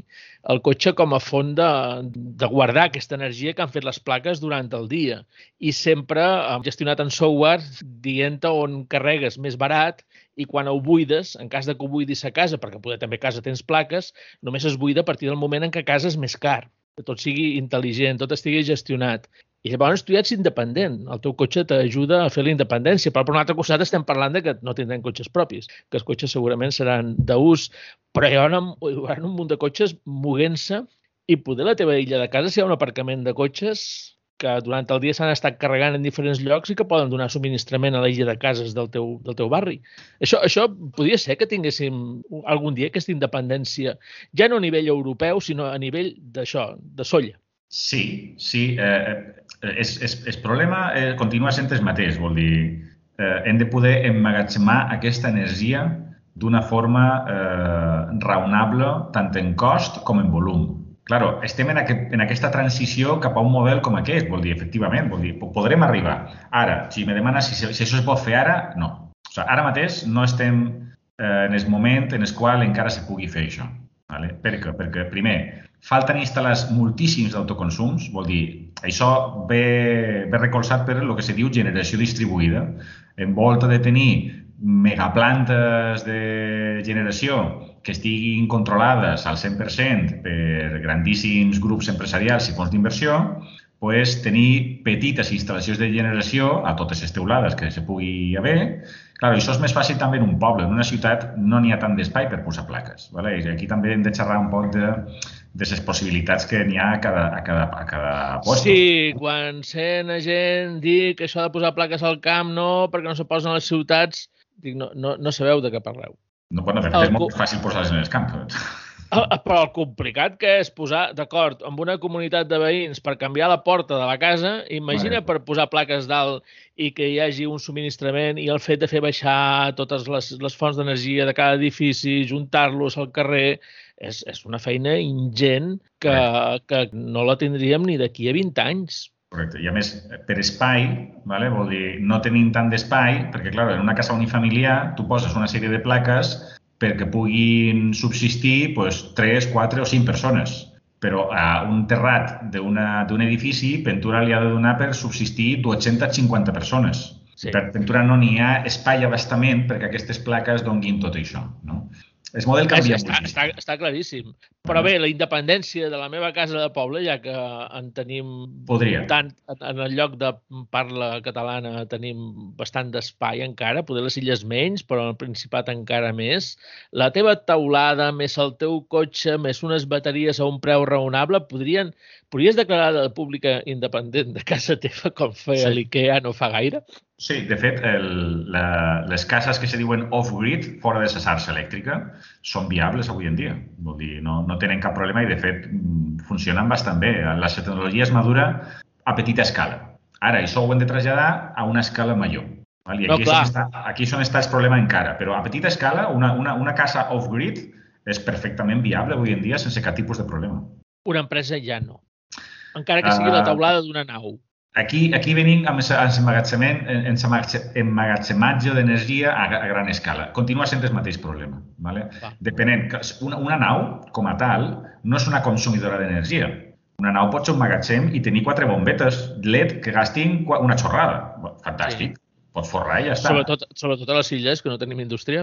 Efectivament. Però, però això mateix al Vallès. Eh, això, moltes naus, eh, que són són simplement eh, edificis cobertors, no, no, no són grans consumidors elèctrics. No? Per tant, depenent del cas d'ús, sí que eh, també per a, a nivell industrial se podria, se podria arribar a fer. Implica, per altra banda, un cost de propietat. Vol dir, tu t'hauries de fer càrrec de mantenir aquestes instal·lacions elèctriques com si fossis la teva pròpia distribuïdora. No, no, ja tornem al mateix. Si ens costa mantenir bé les bombetes de l'escala, imagina't unes plaques que a més s'han de fer netes, que s'han de mantenir. No és allò de posar-les i deixar-les anar durant cinc anys. No, de fet, de, sobretot els afecta bastant el tema d'espanc, no perquè les tapi, perquè això amb una manguera ja va bé, sinó perquè el fang eh, penetra dins les cel·les i fa que davalli moltíssim el seu rendiment. Per tant, bueno, si s'ha de fer un petit manteniment, tampoc mos han de tornar locos, eh? Vol dir, no és que estiguis per les netes cada setmana. Un pic cada tres mesos basta i sobra. Però sí que efectivament, eh, bueno, el que se diu és cost de propietat. Tu tens algo i te n'has de cuidar d'això perquè no se'n vagi en orris en un temps raonable. Vale? Uh -huh. Però bueno, sí, independència sí, se pot fer, estem en el camí cap a fer-ho i el problema és fer-ho a gran escala vale? que és cost ara mateix de fer-ho a gran escala, encara que aquesta tecnologia pot existir, com s'ha demostrat a Austràlia, per exemple, vale? que eh, podríem arribar en aquest punt, però no estem en aquest punt encara. Arribarà, podria arribar, sí. I per on arribarà? Bateries? Bueno, eh, eh, és, és mix, eh, és clar, vol dir, la forma d'emmagatzemar energia vale, pot ser amb bateries d'estat sòlid o amb gasos. En aquest cas estem xerrant de hidrogen ah. que és el substitut natural, eh, aquest sí que és natural, hidrogen, val? Eh, i a més quan, bueno, quan, quan, quan, se, quan, quan se fa feina amb això, és, el residu que surt és aigua, vale? Vol dir, és fantàstic. Són les dues formes que ara mateix estan...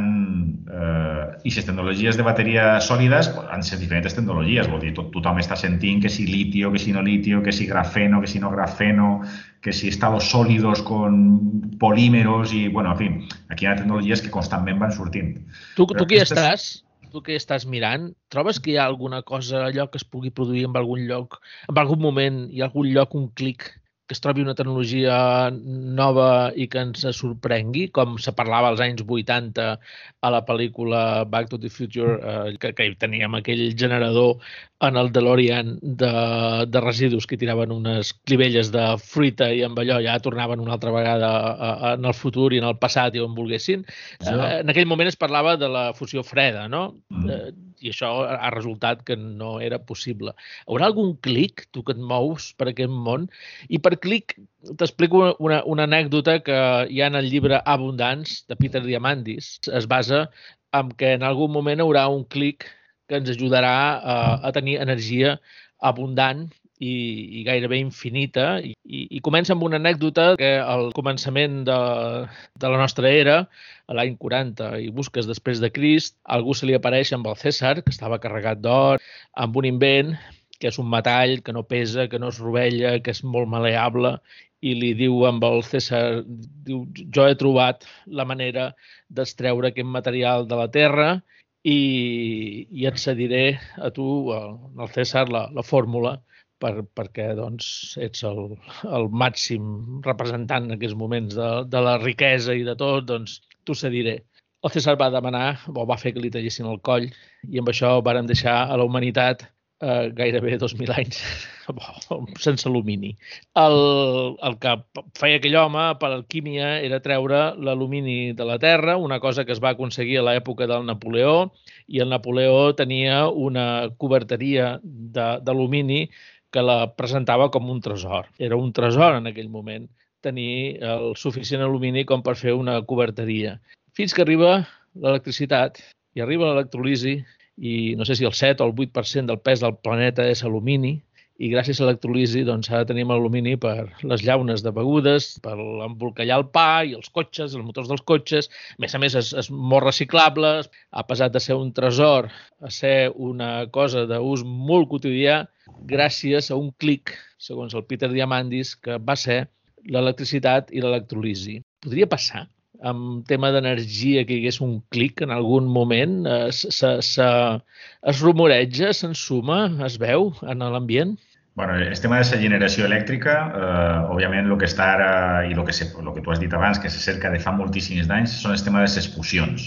Ja no les fissions, sinó les fusions. Pareix que n'hi ha dos reactors bastant avançats eh, amb fusió amb sales de torio llegit articles, eh, vol dir, no és que estigui jo... Però bueno, pareix que, eh, òbviament, la fusió és una font d'energia relativament eh, barata, molt més poderosa que la fissió, eh, i pareix que sí que s'està arribant a aconseguir reactors que puguin ser útils a nivell comercial.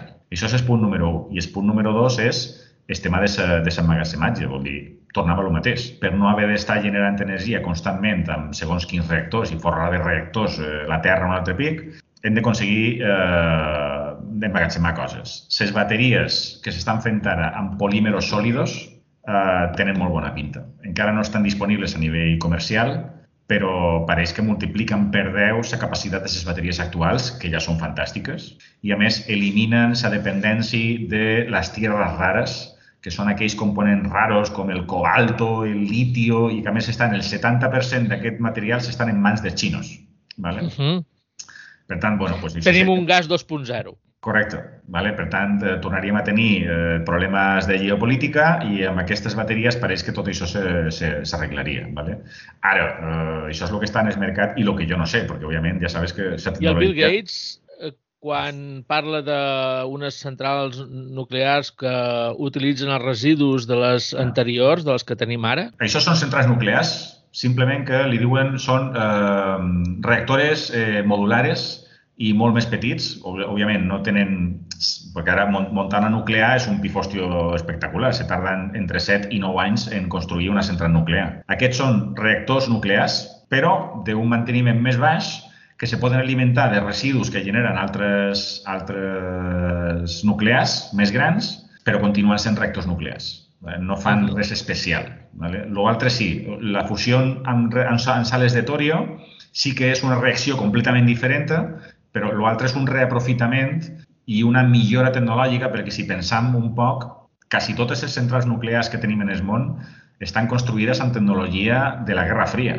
Sí, sí, sí, és molt antic. És que eh, eh, no hi havia PCs. L'altre dia, per exemple, vaig estar llegint, ara hi ha una de les... bueno, de fet, Estats Units ha allargat la vida útil de les centrals nuclears fins als 80 anys de vida, perquè ja en tenen, havien ampliat a 60 i ja tenen una que se va construir eh, als anys 50, que encara està en marxa.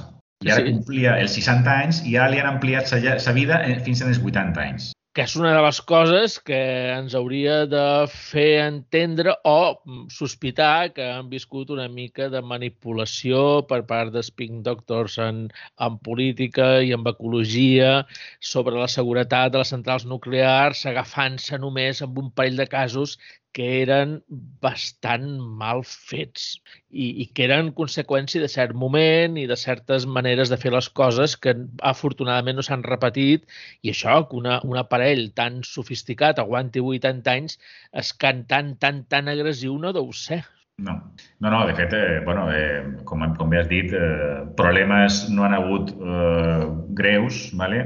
i, i bueno, és això, és, hi ha centrals de... Nosaltres, per exemple, a Espanya, totes les centrals que tenim, ho has estat revisant l'altre dia, la central més antiga eh, se va construir, o se va posar en marxa, miento, l'any 81, i la més nova se va posar en marxa l'any 88. Sí. O sigui, és, és 8, són 8, 8, 9, 9, 9, sí, crec que són 9 eh, reactors que tenim en marxa a Espanya, que són aquests 7 gigawatts de potència instal·lada, estan tots construïts en els anys 80 amb tecnologia que s'estava instal·lant, perquè la del 81 se va començar a construir l'any 74. La que hi havia a Vandellós 1, que de fet es va tancar i a Vandellós 2, eh, tenia per, per generació, per aquells anys, amics que els seus pares hi feien feina allà i de tant en tant des de Reus, perquè aquella època la varen viure a Reus, eh, anàvem a veure els amics de Vandellós i vivien en, un, en una mena de ciutat eh, feta al voltant de la central nuclear de Ifrensa, crec que es deia, uh -huh. i tot el, i tenien unes escoles i uns edificis i unes llars i de més que mm, eren bastant futuristes. Uh -huh. Havien aprofitat aquells anys de, que va haver de molta afecció a la tecnologia, els anys 70 i 60 i 50, per fer una ciutat absolutament futurista per aquells moments. Per mi era viatjar 20 anys cap endavant a veure els amics de, de Vandellós.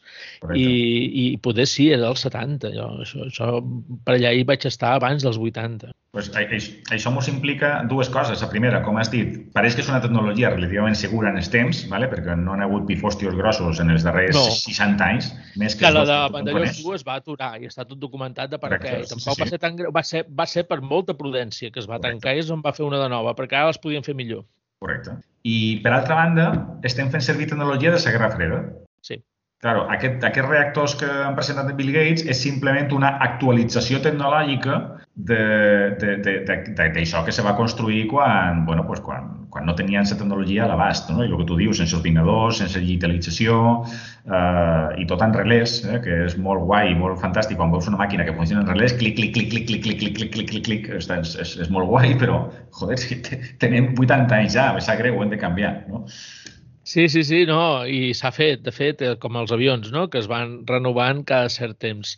I, eh, I el reportatge que hi ha a Netflix sobre Bill Gates, el darrer capítol, està dedicat a això, perquè explica com el Bill Gates es dedica a diverses coses humanitàries des de que va deixar d'estar actiu a Microsoft i el darrer capítol parla de, de la seva frustració pel tema energètic en quant també a la imatge que tenen les centrals nuclears al voltant del món, de voler fer unes centrals nuclears noves aprofitant el de les anteriors i, i amb una tecnologia moderna, perquè explica això mateix que dius tu, que són totes molt antigues, i la seva frustració, perquè aquella cosa s'agrava quan encara manava el Trump, de que el Trump està molt malament amb la Xina, Sembla que les primeres centrals nuclears que tenia el Bill Gates programades per construir era la Xina, que té una capacitat de construcció i d'execució tremenda.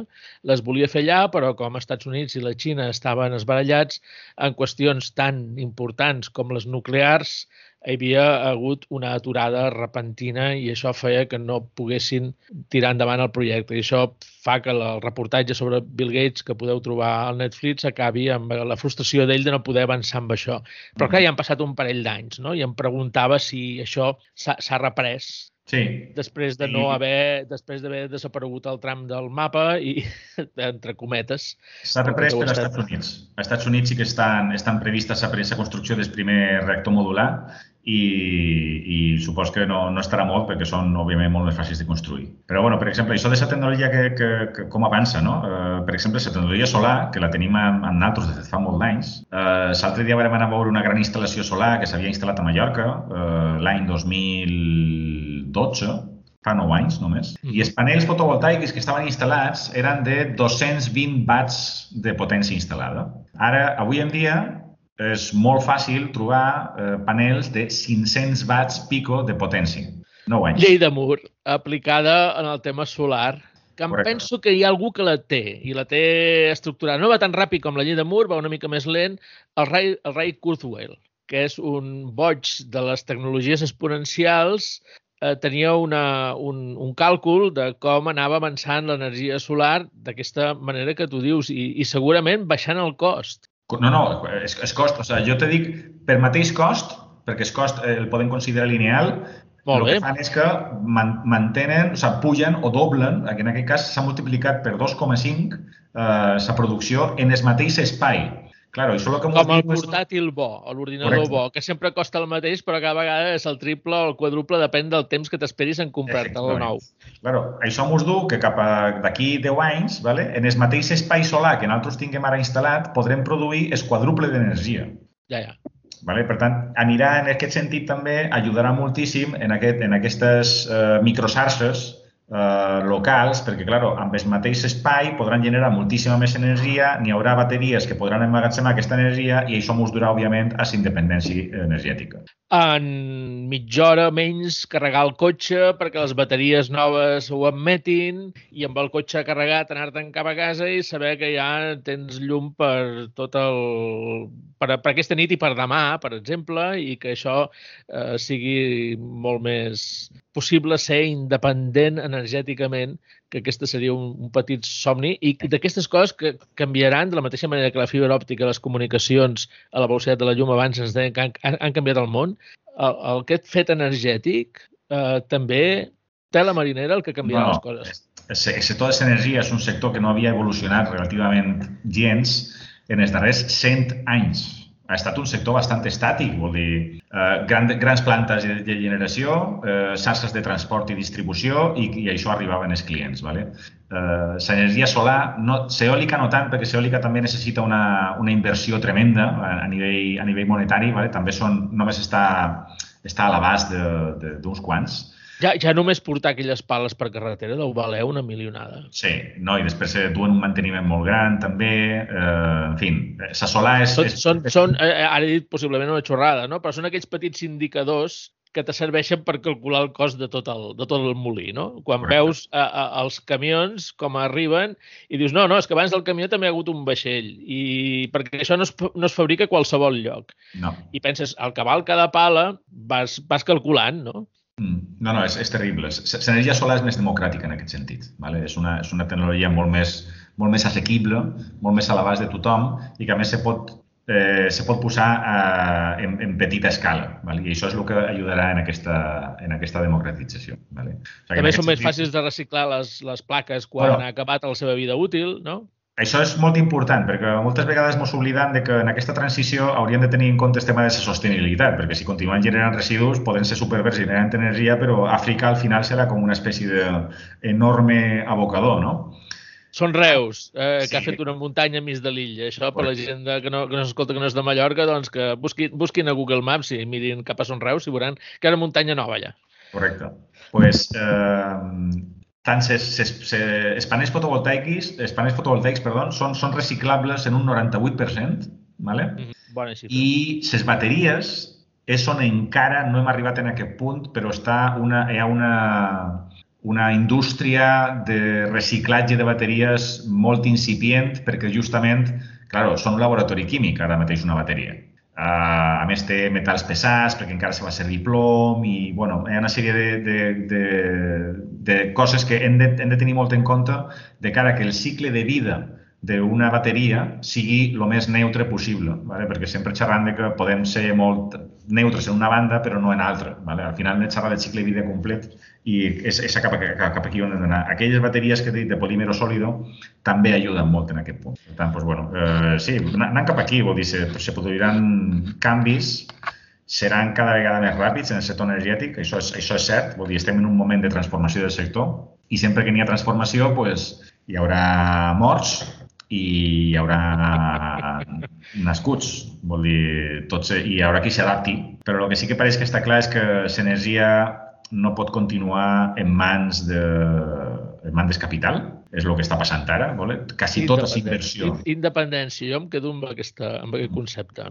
Però inclús en, en renovables, quasi, quasi tota la inversió de renovables que s'està fent ara mateix a Espanya, darrere hi ha un fons d'inversió. Uh -huh. que solen ser pues, això, suecs, alemanys, eh, americans, eh, anglesos, ¿vale? Llavors, eh, hem d'anar alerta sempre amb aquí, perquè, bueno, òbviament, si no tenim un tema geopolític per una banda, el tindrem per una altra. Al final, eh, és capital és qui s'està fent amb, totes, eh, amb tota la generació. L'autoconsum i la generació distribuïda és el que ha de venir a canviar el model energètic a nivell global. Sí, sí, no, ja veus que aquest capital té llums llargues i està mirant a 15-20 anys vista. Correcte. I això està passant en el sector eh, també de la mobilitat.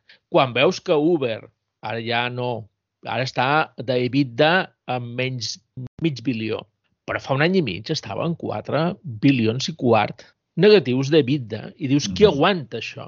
EBITDA, per qui mos escolti no sabi d'acabar, són els earnings, o sigui, els ingressos, before taxes i, i amortitzacions i depreciacions, no? Sí. I, I llavors, clar, són els ingressos bàsicament bastant, bastant bruts eh, amb el marge comercial sí, però no després d'haver de, pagat els impostos que hagis de pagar i, i que les coses doncs, se tornen velles i que les has de refer i en el cas de la mobilitat doncs, són, la maquinària de mobilitat sempre s'ha de, de mantenir. Doncs això, qui aguanta 4 bilions, 4.250 milions de dòlars en negatiu si no és un capital que ha calculat que haurà una revolució molt grossa amb, el, amb la mobilitat els pròxims 10-15 anys. Correcte. I nosaltres, mentrestant, encara tenim prohibit que hi hagin cotxes de Cabify, d'Uber i de més a les illes. Ja, ja ens ho farem, no? Però el món eh, són indicadors de que està anant cap a algun, algun lloc i que aquests capitals s'inverteixin tant en, en renovables no ho estan fent per beneficis immediats, sinó perquè moltes de les empreses actuals que ho controlen desapareixeran del mapa i aniran de noves i llavors ells estaran posicionats. Correcte, així és.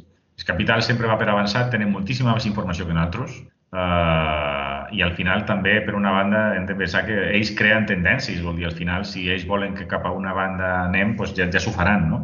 Per això, per això és important que, bueno, tema de comunitats energètiques, eh, tot aquest tema de, de fer petit el que ara és molt gros, eh, que és bàsicament de lo que se tracta, ¿vale? Eh, reduir el tamany de, de tot, eh, l'economia de quilòmetre zero, economia circular, no? totes aquestes coses eh, han, de, han de canviar el panorama d'una forma, d'una forma bueno, no és com, com ho sabem ara, vol dir, d'aquí 10 anys no estarem xerrant de...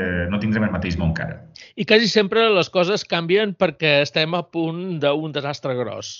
Perquè mm. si no, com deies tu, durant els 100 anys passats el tema fòssil funcionava, doncs per què, per què molestar-se? A les illes, des de fa milions d'anys, i se suposa que també milions d'anys més, la Terra dona una volta al Sol cada any i venen turistes, doncs per què t'has de complicar la vida amb coses més complexes de pensar i de gastar pensant en 15 anys vista i de més? No, mira, això passarà l'estiu que ve. La Terra haurà donat una volta al Sol. I per això, doncs, no se fa res. I tots el, totes les economies i totes les coses que no veuen veuen que s'està venint un ai, ai, ai molt gros, no prenen decisions. I ara, doncs, el tema de l'escalfament global és uh, real i li estem agafant mania fins i tot el gas natural, a pesar de que el Duran Ferrell estigués, o Duran Ferrell estigués tan encaparrat en fer-lo veure com una cosa natural i una papallona, sí, sí, però aquesta papallona la Lluna no hi viuria i la Lluna també és natural. Uh -huh. Llavors, sí. aquesta emergència climàtica està fent que canviem, canviem coses i és una bona notícia. I de vegades doncs, hi ha coses, abans deies no, que hi ha unes tendències que es marquen, però ve una pandèmia com la d'ara, que ningú s'esperava, i això també està fent canviar moltes tendències sense que ningú les hagués programat de cap de les maneres. Però una, una pregunta, perquè aquí eh, és curiós, saps? Perquè no som un gran expert en història, ni, ni, ni, ni ho diré, ¿vale? però sí que m'agrada llegir coses que han passat, perquè primer tenim, tenim és som eh, persones del nostre temps. Ens pensam que el que estem visquent ara no ha passat, no ha passat mai abans. Vale? Sí. Error, error. Quasi tot el que visquem ara ha passat abans. Vale? A part de amb altres escales i amb altres Correcte. contextes. Correcte. Vale? Claro, si te'n vas a la pandèmia de la gripe espanyola de l'any 1918, que va durar fins en els 21, vale? on no tenien... bueno, va desaparèixer, perquè al final supos que va ser immunitat de grup, perquè no n'hi havia vacunes. Vale? Uh, tothom deia el mateix, mira les notícies, les notícies són molt paregudes en, en, a les d'ara, vale? el món canviarà, tothom serà diferent, etc etc. L'any 23 tothom estava com l'any 17. Vull dir, no, realment, eh, allò que va passar, varen morir 50 milions de persones, vale? o sigui, va ser molt més gros que l'actual, no va fer un canvi eh, social molt greu. Vale? Però, però, per una altra banda, si te fixes, i Ventura és una, això és una cosa meva, després d'aquella de, pandèmia varen, varen fer els Los Locos Años 20. Ventura varen dir, Ventura sí que va haver un canvi en plan de dir, coño, que me, me puc anar a l'altre barri demà. Vivamos locamente, o sea... Sí, sí. I Ventura és un que està passant ara, vol dir, no és que hi hagi un canvi social, sinó que Ventura és més conscient de que somos efímeros, de que aquí podem estar i demà podem no estar, i que, que carpe diem, escucha. Sí, sí. Portugal, després del gran terratrèmol que van tenir, ara no sé si a l'any 1700 no sé quin, però aquell terratrèmol els hi va fer canviar la seva forma de veure el, el món perquè va venir un tsunami molt gros i, i va morir molta gent i si tu mires la cultura eh, de Portugal i de Lisboa que rep el tsunami en particular és bastant diferent de la de la terra endins que és just darrere, a Espanya mateix. I ara, amb temes tecnològics, eh, tenen més facilitat pel canvi que no altres, que no nosaltres, per exemple, a, a l'estat espanyol. I sí, el tenir aquestes, um, aquests ensurts et fa reflexionar mm. de, de la importància de no aferrar-te tant en allò que crees, perquè allò que crees sòlid pot desaparèixer molt ràpid el carpe diem que acabes d'esmentar. Mm -hmm. Correcte. Però bueno, no vol dir que impliqui un canvi social, sinó que implica un canvi de pensament i, i després les coses poden tornar enrere, que igual que va passar. Després va venir el crack del 29, se'n va anar tot, tot a l'aire i, i va ser terrible. Vol dir, al final, eh, no sé, és, tots són cicles al final, no? no, no. Sí. Ja... Ara tenim una cosa que és interessant, que és molta tecnologia molt potent i molt escalable, que està infrautilitzada per exemple, Europa estava absolutament dormida en quant al canvi tecnològic digital enfront dels Estats Units i d'Àsia. Uh -huh. I de cop Europa sembla que està despertant força i està arribant bastant de capital per fer... Eh, encara no és visible, no ho ha vist la gent que ho senta l'àudio només, has fet així amb el cap com que diu, i no ho sé, és, és una remor que es viu per sota. No és molt visible encara el, el canvi que s'està provocant a Europa i en bona part també amb l'ajuda de la cerca de talent que està tinguent en aquests moments Estats Units. Encara no Xina, perquè ens divideix bastant el tema de la llengua, però Estats Units, per exemple, i, i, i Alemanya, que ens porta uns quants anys d'avantatge amb aquestes coses, i el Regne Unit estan buscant molt de talent a l'Europa dormida. I estan fent fitxatges, això estic veient al meu voltant, uh -huh. de tant empreses eh, estrangeres, de, de gent de Mallorca, els, els informàtics bons, i no només informàtics, sinó gent que fa feina en productes digitals, no té a veure amb informàtica, els darrers anys un bon grapat han entramultiplicat i fins i tot algun quintuplicat el seu sou. Uh -huh, passant a fer feina per empreses digitals estrangeres des del moment en què ha aparegut la fórmula del remot. Uh -huh. I això no havia passat a, abans.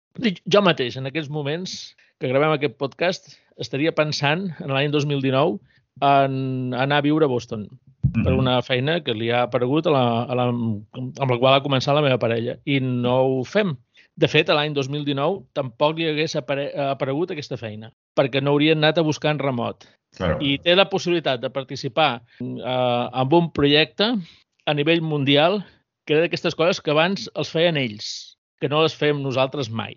Nosaltres mm. només érem partners i distribuïdors d'aquestes coses. Correcte. Doncs a, ara podem participar des d'aquí. O sigui, una, una plaça que era per Boston ha anat a parar a Lloseta. I, i, però no és només el cas de, de, de casa nostra, que també el vaig veure un any abans amb el meu fill fent feina per una startup de Berlín, sinó que és, eh, eh ho estic veient amb, amb molta gent a, a les illes. Un, tu, un te presenta l'altre, un t'explica el cas de l'altre, i està, està passant per primera vegada que nosaltres estem participant des d'aquí en projectes mundials gràcies al remot. Aquest coneixement ja no es queda allà, ja ve cap a nosaltres, ja aprenem a fer les coses d'una altra manera i ens estan, eh, estan encomanant el, la seva manera de veure les coses només per en bona part per la seva necessitat de talent. Talent que aquí tenien dormit, mal pagat i, i no gaire considerat, entre altres coses perquè això que deia abans, de que esperem que la Terra doni una volta al Sol, entre altres coses perquè cap empresari del nostre rodol de món vol contractar ningú que sigui més llest que ell, i això als Estats Units no passa, ni tampoc passa a Alemanya, no passa amb, amb molts de... Això ja seria una altra història per parlar amb algun expert. Eh, veig que en el món protestant passa menys que en el món catòlic. Això de no voler contractar oh, oh, oh, a ningú... M'estic ficant en un jardí. Això de no voler contractar a ningú que sigui més llest que el jefe. I això, eh, això no ens havia passat. No. Llavors, és perquè tenim, eh, teníem a l'abast una tecnologia infrautilitzada un munt de fibra que utilitzàvem per veure... Jo, jo me'n recordo quan estàvem al govern i posàvem fibra per tot, em deien, i per què vull un giga? Doncs ara hi ha gent que el comença a necessitar, perquè mentre ell està en videoconferències, ella també està en videoconferències i els fills estan mirant el Netflix en 4K. Però si són dos fills, doncs un està mirant el Netflix i un altre està mirant l'Apple TV en 4K. Doncs si comences a sumar, 300 que no sabien què fer-ne fa dos anys, ja els necessita. Mm. I això, tu que ets empresari del món de la fibra, segurament has vist disparar la quantitat de, de teres que moveu cada, cada X. I estan, estan canviant coses degut a aquesta infraestructura que tenim. I clar, als anys 20, quan va acabar allò, quan va acabar la, la, la grip espanyola, què, què hi havia? No? Per desenvolupar, doncs sí, hi havia coses, però d'una tecnologia rígida, lenta, no eren bits. I, i doncs va, va haver uns anys per agafar marxa, per agafar tracció, inèrcia. Ara teníem aquí un munt de tecnologia adormida esperant a que ens adonéssim que ens podia canviar la manera de, de fer feina i de viure.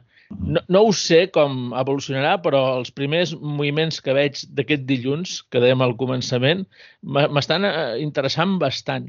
Cada, cada vegada estic més rodejat de gent que està fent feina en productes mundials de software. Mm -hmm. I això, amb, des dels anys que porto en tecnologia, no m'havia passat mai. Poder vaig conèixer en algun moment algú que era important a Microsoft, però no era fàcil. No, bueno, s'ha democratitzat moltíssim el tema de fer feina en remot. Uh, aquí estic completament d'acord amb tu, vol dir, això és, és, és nòmada digital, no? O sigui, una persona que fa feina en digital pot fer feina des d'on vulgui, sempre i quan uh -huh. tingui una bona connexió. Eh, és l'únic hàndicap no. que té tenir. No, clar, nosaltres a les illes ja no ens volem moure d'aquí. Ah, ja, ja està. Bé. Però n'hi ha molts que els hi passa això i que diuen uh, puc, puc, puc escollir el lloc? Correcte. Doncs en aquests moments les Canàries estan rebent molts, que nosaltres no, perquè no han fet uh, gaire promoció d'aquest tema. Perquè nosaltres no fugim del fred, ja estem bé on estem. Mm. No, i Croàcia està rebent moltíssim també, estan fent moltíssima sí. feina d'això. Turquia està fent moltíssima feina d'això també, on tenen un clima bastant benèvol també. Vol dir, sí, al final, al final és... bueno, jo me record quan és aquell, aquell Sun, Sun, Sun and Data, no? Sí, sí, sí, era aquesta idea, però el problema de fer les coses massa aviat... A mi quan, a mi quan em varen dir no, però això del Sant Andreita, si ho venem, no volem vendre fum des del govern i com no tenim connexions de fibra a tot arreu, eh, seria vendre fum. Jo vaig dir, aguanteu-me la cervesa. Mm. Acabarem tenint connexions a tot arreu. Ha, ha, d'anar tot plegat, evidentment. Doncs mira, acabàvem el govern amb, amb, amb, la amb, amb plans per arribar fins al 90% de les llars i que tu segurament l'has viscut perquè formes part del sector i si realment ho han aconseguit. El primer eren les infraestructures. I a continuació, si les tens, adormides, esperaven que hi hagués algun clic, alguna cosa que fes que vingués gent del món de la tecnologia a fer feina des d'aquí perquè som un lloc atractiu per fer feina des d'aquí. Llavors s'encomanarà la resta de la població. Quan eh, en el teu poble, la teva, entre els amics dels amics o a, a un grau de separació, que això és molt fàcil, vegis que hi ha una persona que ha arribat a tal càrrec, a tal empresa mundial, aquesta altra també, aquesta, aquesta altra amb una, una startup que acaba d'aixecar 80 milions d'inversió, aquesta altra amb una altra startup que acaba d'aixecar-ne 10. A Barcelona, fa no gaire, amb un software de recursos humans, Factorial, mm uh, Tiger els hi va fer una inversió de 80 milions. Uh -huh. Quan havíem aconseguit uns ingressos tan grossos amb una empresa del nostre territori de parla catalana per un software tan avorrit com el de recursos humans? Uh -huh. Doncs a Factorial l'han fet interessant i l'estan fent mundial gràcies a aquestes connexions, gràcies a aquesta infraestructura de fons, i els de Factorial estan contractant gent a, a tot arreu perquè, entre altres coses, quan reps tants diners necessites contractar molta gent a molts de països i, i dones feina des de teu lloc de món amb altres llocs i fas que el, el país, la cultura, la manera de fer les coses estiguin al mapa. Ara, ara m'ha fet gràcia això de Factorial, perquè nosaltres som, som usuaris de Factorial des de fa anys. Des de fa tres anys, quan, quan estaven... Quan varen començar, quan som els primers clients. Varen ser, varen ser, no dic dels primers, però varen ser molt propers. Jo, jo li vaig, li vaig, la veritat és que funciona molt bé i han evolucionat moltíssim. Vale? I ara, ara que deies també això, eh, bueno, supos que has sentit les notícies eh, aquí a Mallorca de Sanifit, no? Que és un, poc, és un, és un cas d'èxit fantàstic d'investigació i desenvolupament i, i ara, pues, bueno, s'han venut per 200 milions d'euros més acords que m'han transcendit i que són molt més grans. Vol dir, al final eh, han creat un medicament que no existia directament han creat un medicament que no existia a nivell mundial i ha arribat una empresa suïssa que el vol comercialitzar. Fantàstic. vale? 14 sí. anys de feina. I, I abans d'això, quan van rebre la primera inversió grossa, no sé si va ser el 2016 o 2017, de Dester, dels americans, que va ser en aquell moment també la més grossa per una empresa de farmacèutica de, de l'estat espanyol en, en, en pla startup, recordo que el fundador explicava a les seves xerrades que un dels requeriments dels americans per invertir era que fitxessin a primeres espases de, del món amb investigació, amb el medicament o la malaltia en qüestió mm -hmm. per la qual va, va el medicament. I quan van anar a buscar britànics i alemanys perquè treballessin en Sanifit, els hi varen dir que havien de treballar per una empresa mallorquina i amb un investigador que ha arribat a tot arreu, que ja ho té tot fet, que guanya els diners que ja necessita per, per ell, per, per sempre, ja té els talvis, ja, ja ho té tot bastant encarrilat, com, com el mous de que se'n vagi amb una empresa nova? Uh. -huh. Doncs perquè està a Mallorca. Uh mm-hmm. -huh. Perquè doncs, fugien del fred del Regne Unit, de Londres o fugien del fred d'Alemanya. Uh -huh. I mm-hmm. això els hi va permetre fitxar a personatges molt bons per continuar endavant amb el projecte, rebre la inversió americana i la següent ha estat aquesta, aquesta venda. Uh -huh. I això ho explicava el fundador. Ens deien, Sanifit, per què està a Mallorca i no està a Alemanya o està al Regne Unit, que són dues potències farmacèutiques europees importants? Doncs ell explicava que si no haguessin estat a Mallorca, no haurien pogut fitxar aquests personatges que els hi han permès ser on són. Uh -huh. Clar, això, això no, no és tan fàcil de, de veure sense aprofundir, sense parar el món, sense donar-li voltes al que se suposa que tot, tots hauríem de, de pensar. I és que llocs com el nostre, ben comunicats, amb bones infraestructures d'energia, de comunicacions, amb bones infraestructures uh, aeroportuàries, perquè també de tant en tant és necessari, la gent que ve aquí a fer feina doncs, voldrà veure de tant en tant a la família uh, en el fred i, i llavors l'aeroport és un factor molt important. En comptes de ser un, un aeroport tant de turisme, hauria de ser més un aeroport business. Doncs això, el, el San Data, la idea de Solidades, anava cap aquí, cap a la capacitat d'atracció que tenim, però prèviament havíem de tenir infraestructures. I les infraestructures, doncs, tu les vas començar a la fibra i tu les estàs fent estàs uh, començant la nostra independència uh, energètica, no? Llavors crec que té molta importància el, aquesta visió per, pel, pel nostre futur, perquè en el moment en què passen aquests clics ja hi estarem, ja, ja estarem una mica posicionats, no? I només, només una, una, una, una petita reflexió, perquè me ve en el cap que estem fent eh, un focus molt gran en tot el tema digital i en les coses que no se toquen. ¿vale?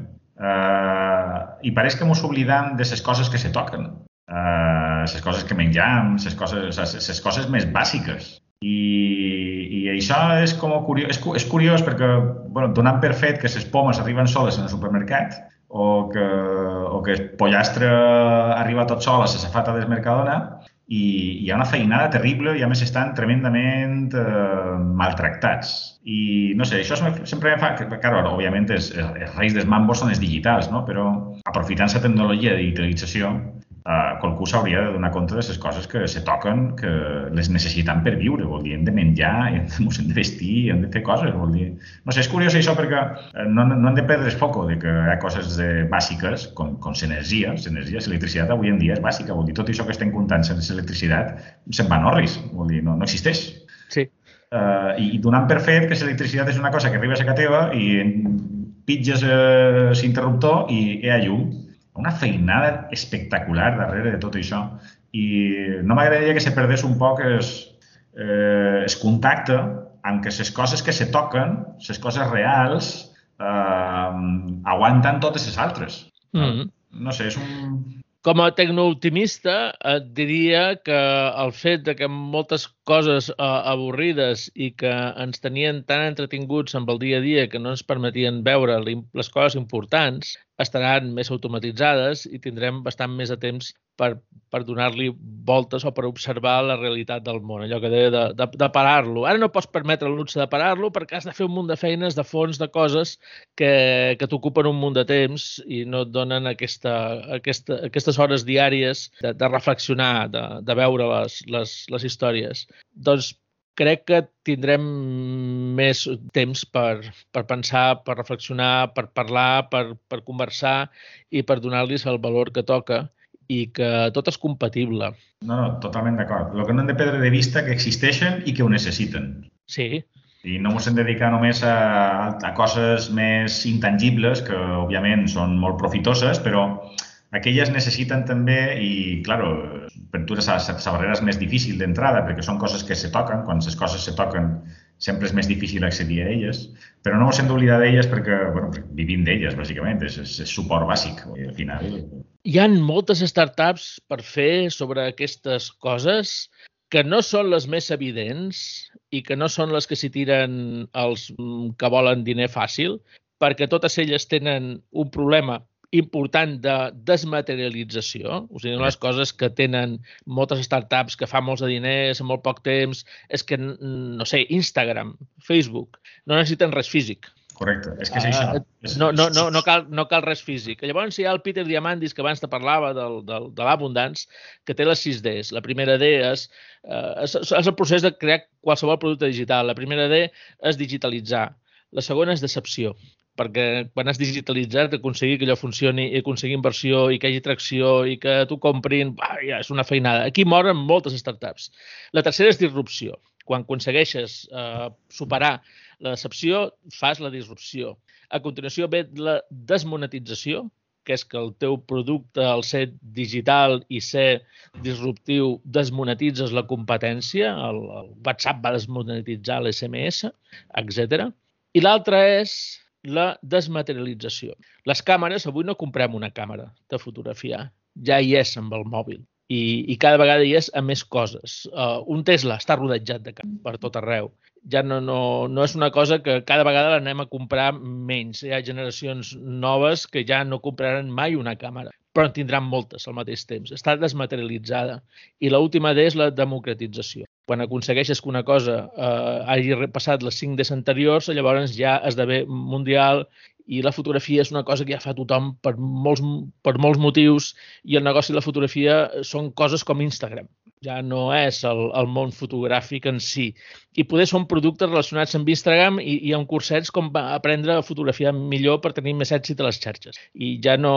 La fotografia ha quedat democratitzada i els negocis són al voltant. Doncs bé, aquestes 6D sempre se produeixen. És com si fos una, una llei que, que sempre passa i hi ha productes que la D de la desmaterialització la tenen complicada i són els que agafen els valents. Sempre que hi ha hardware, sempre que en el teu projecte, en la teva startup hi ha una part que és física i que no la podràs convertir mai en software perquè tot l'altre ho podrà ser i podrà ser molt escalable, tot el que vulguis, però tindràs un petit punt.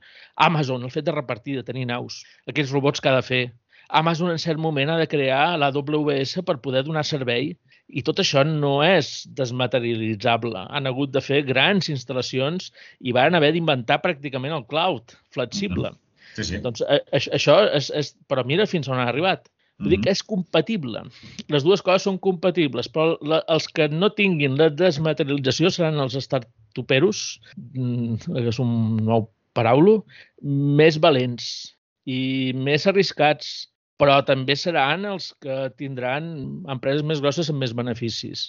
Correcte. I és el cas de, dels que feien aquelles caixes, que m'he tornat a oblidar el nom, per carregar cotxes. La Wallbox. part, Wallbox. La part de la màquina eh, és, és complexa, han hagut de parlar amb fabricants de moltes coses, però són a Nasdaq. Mm.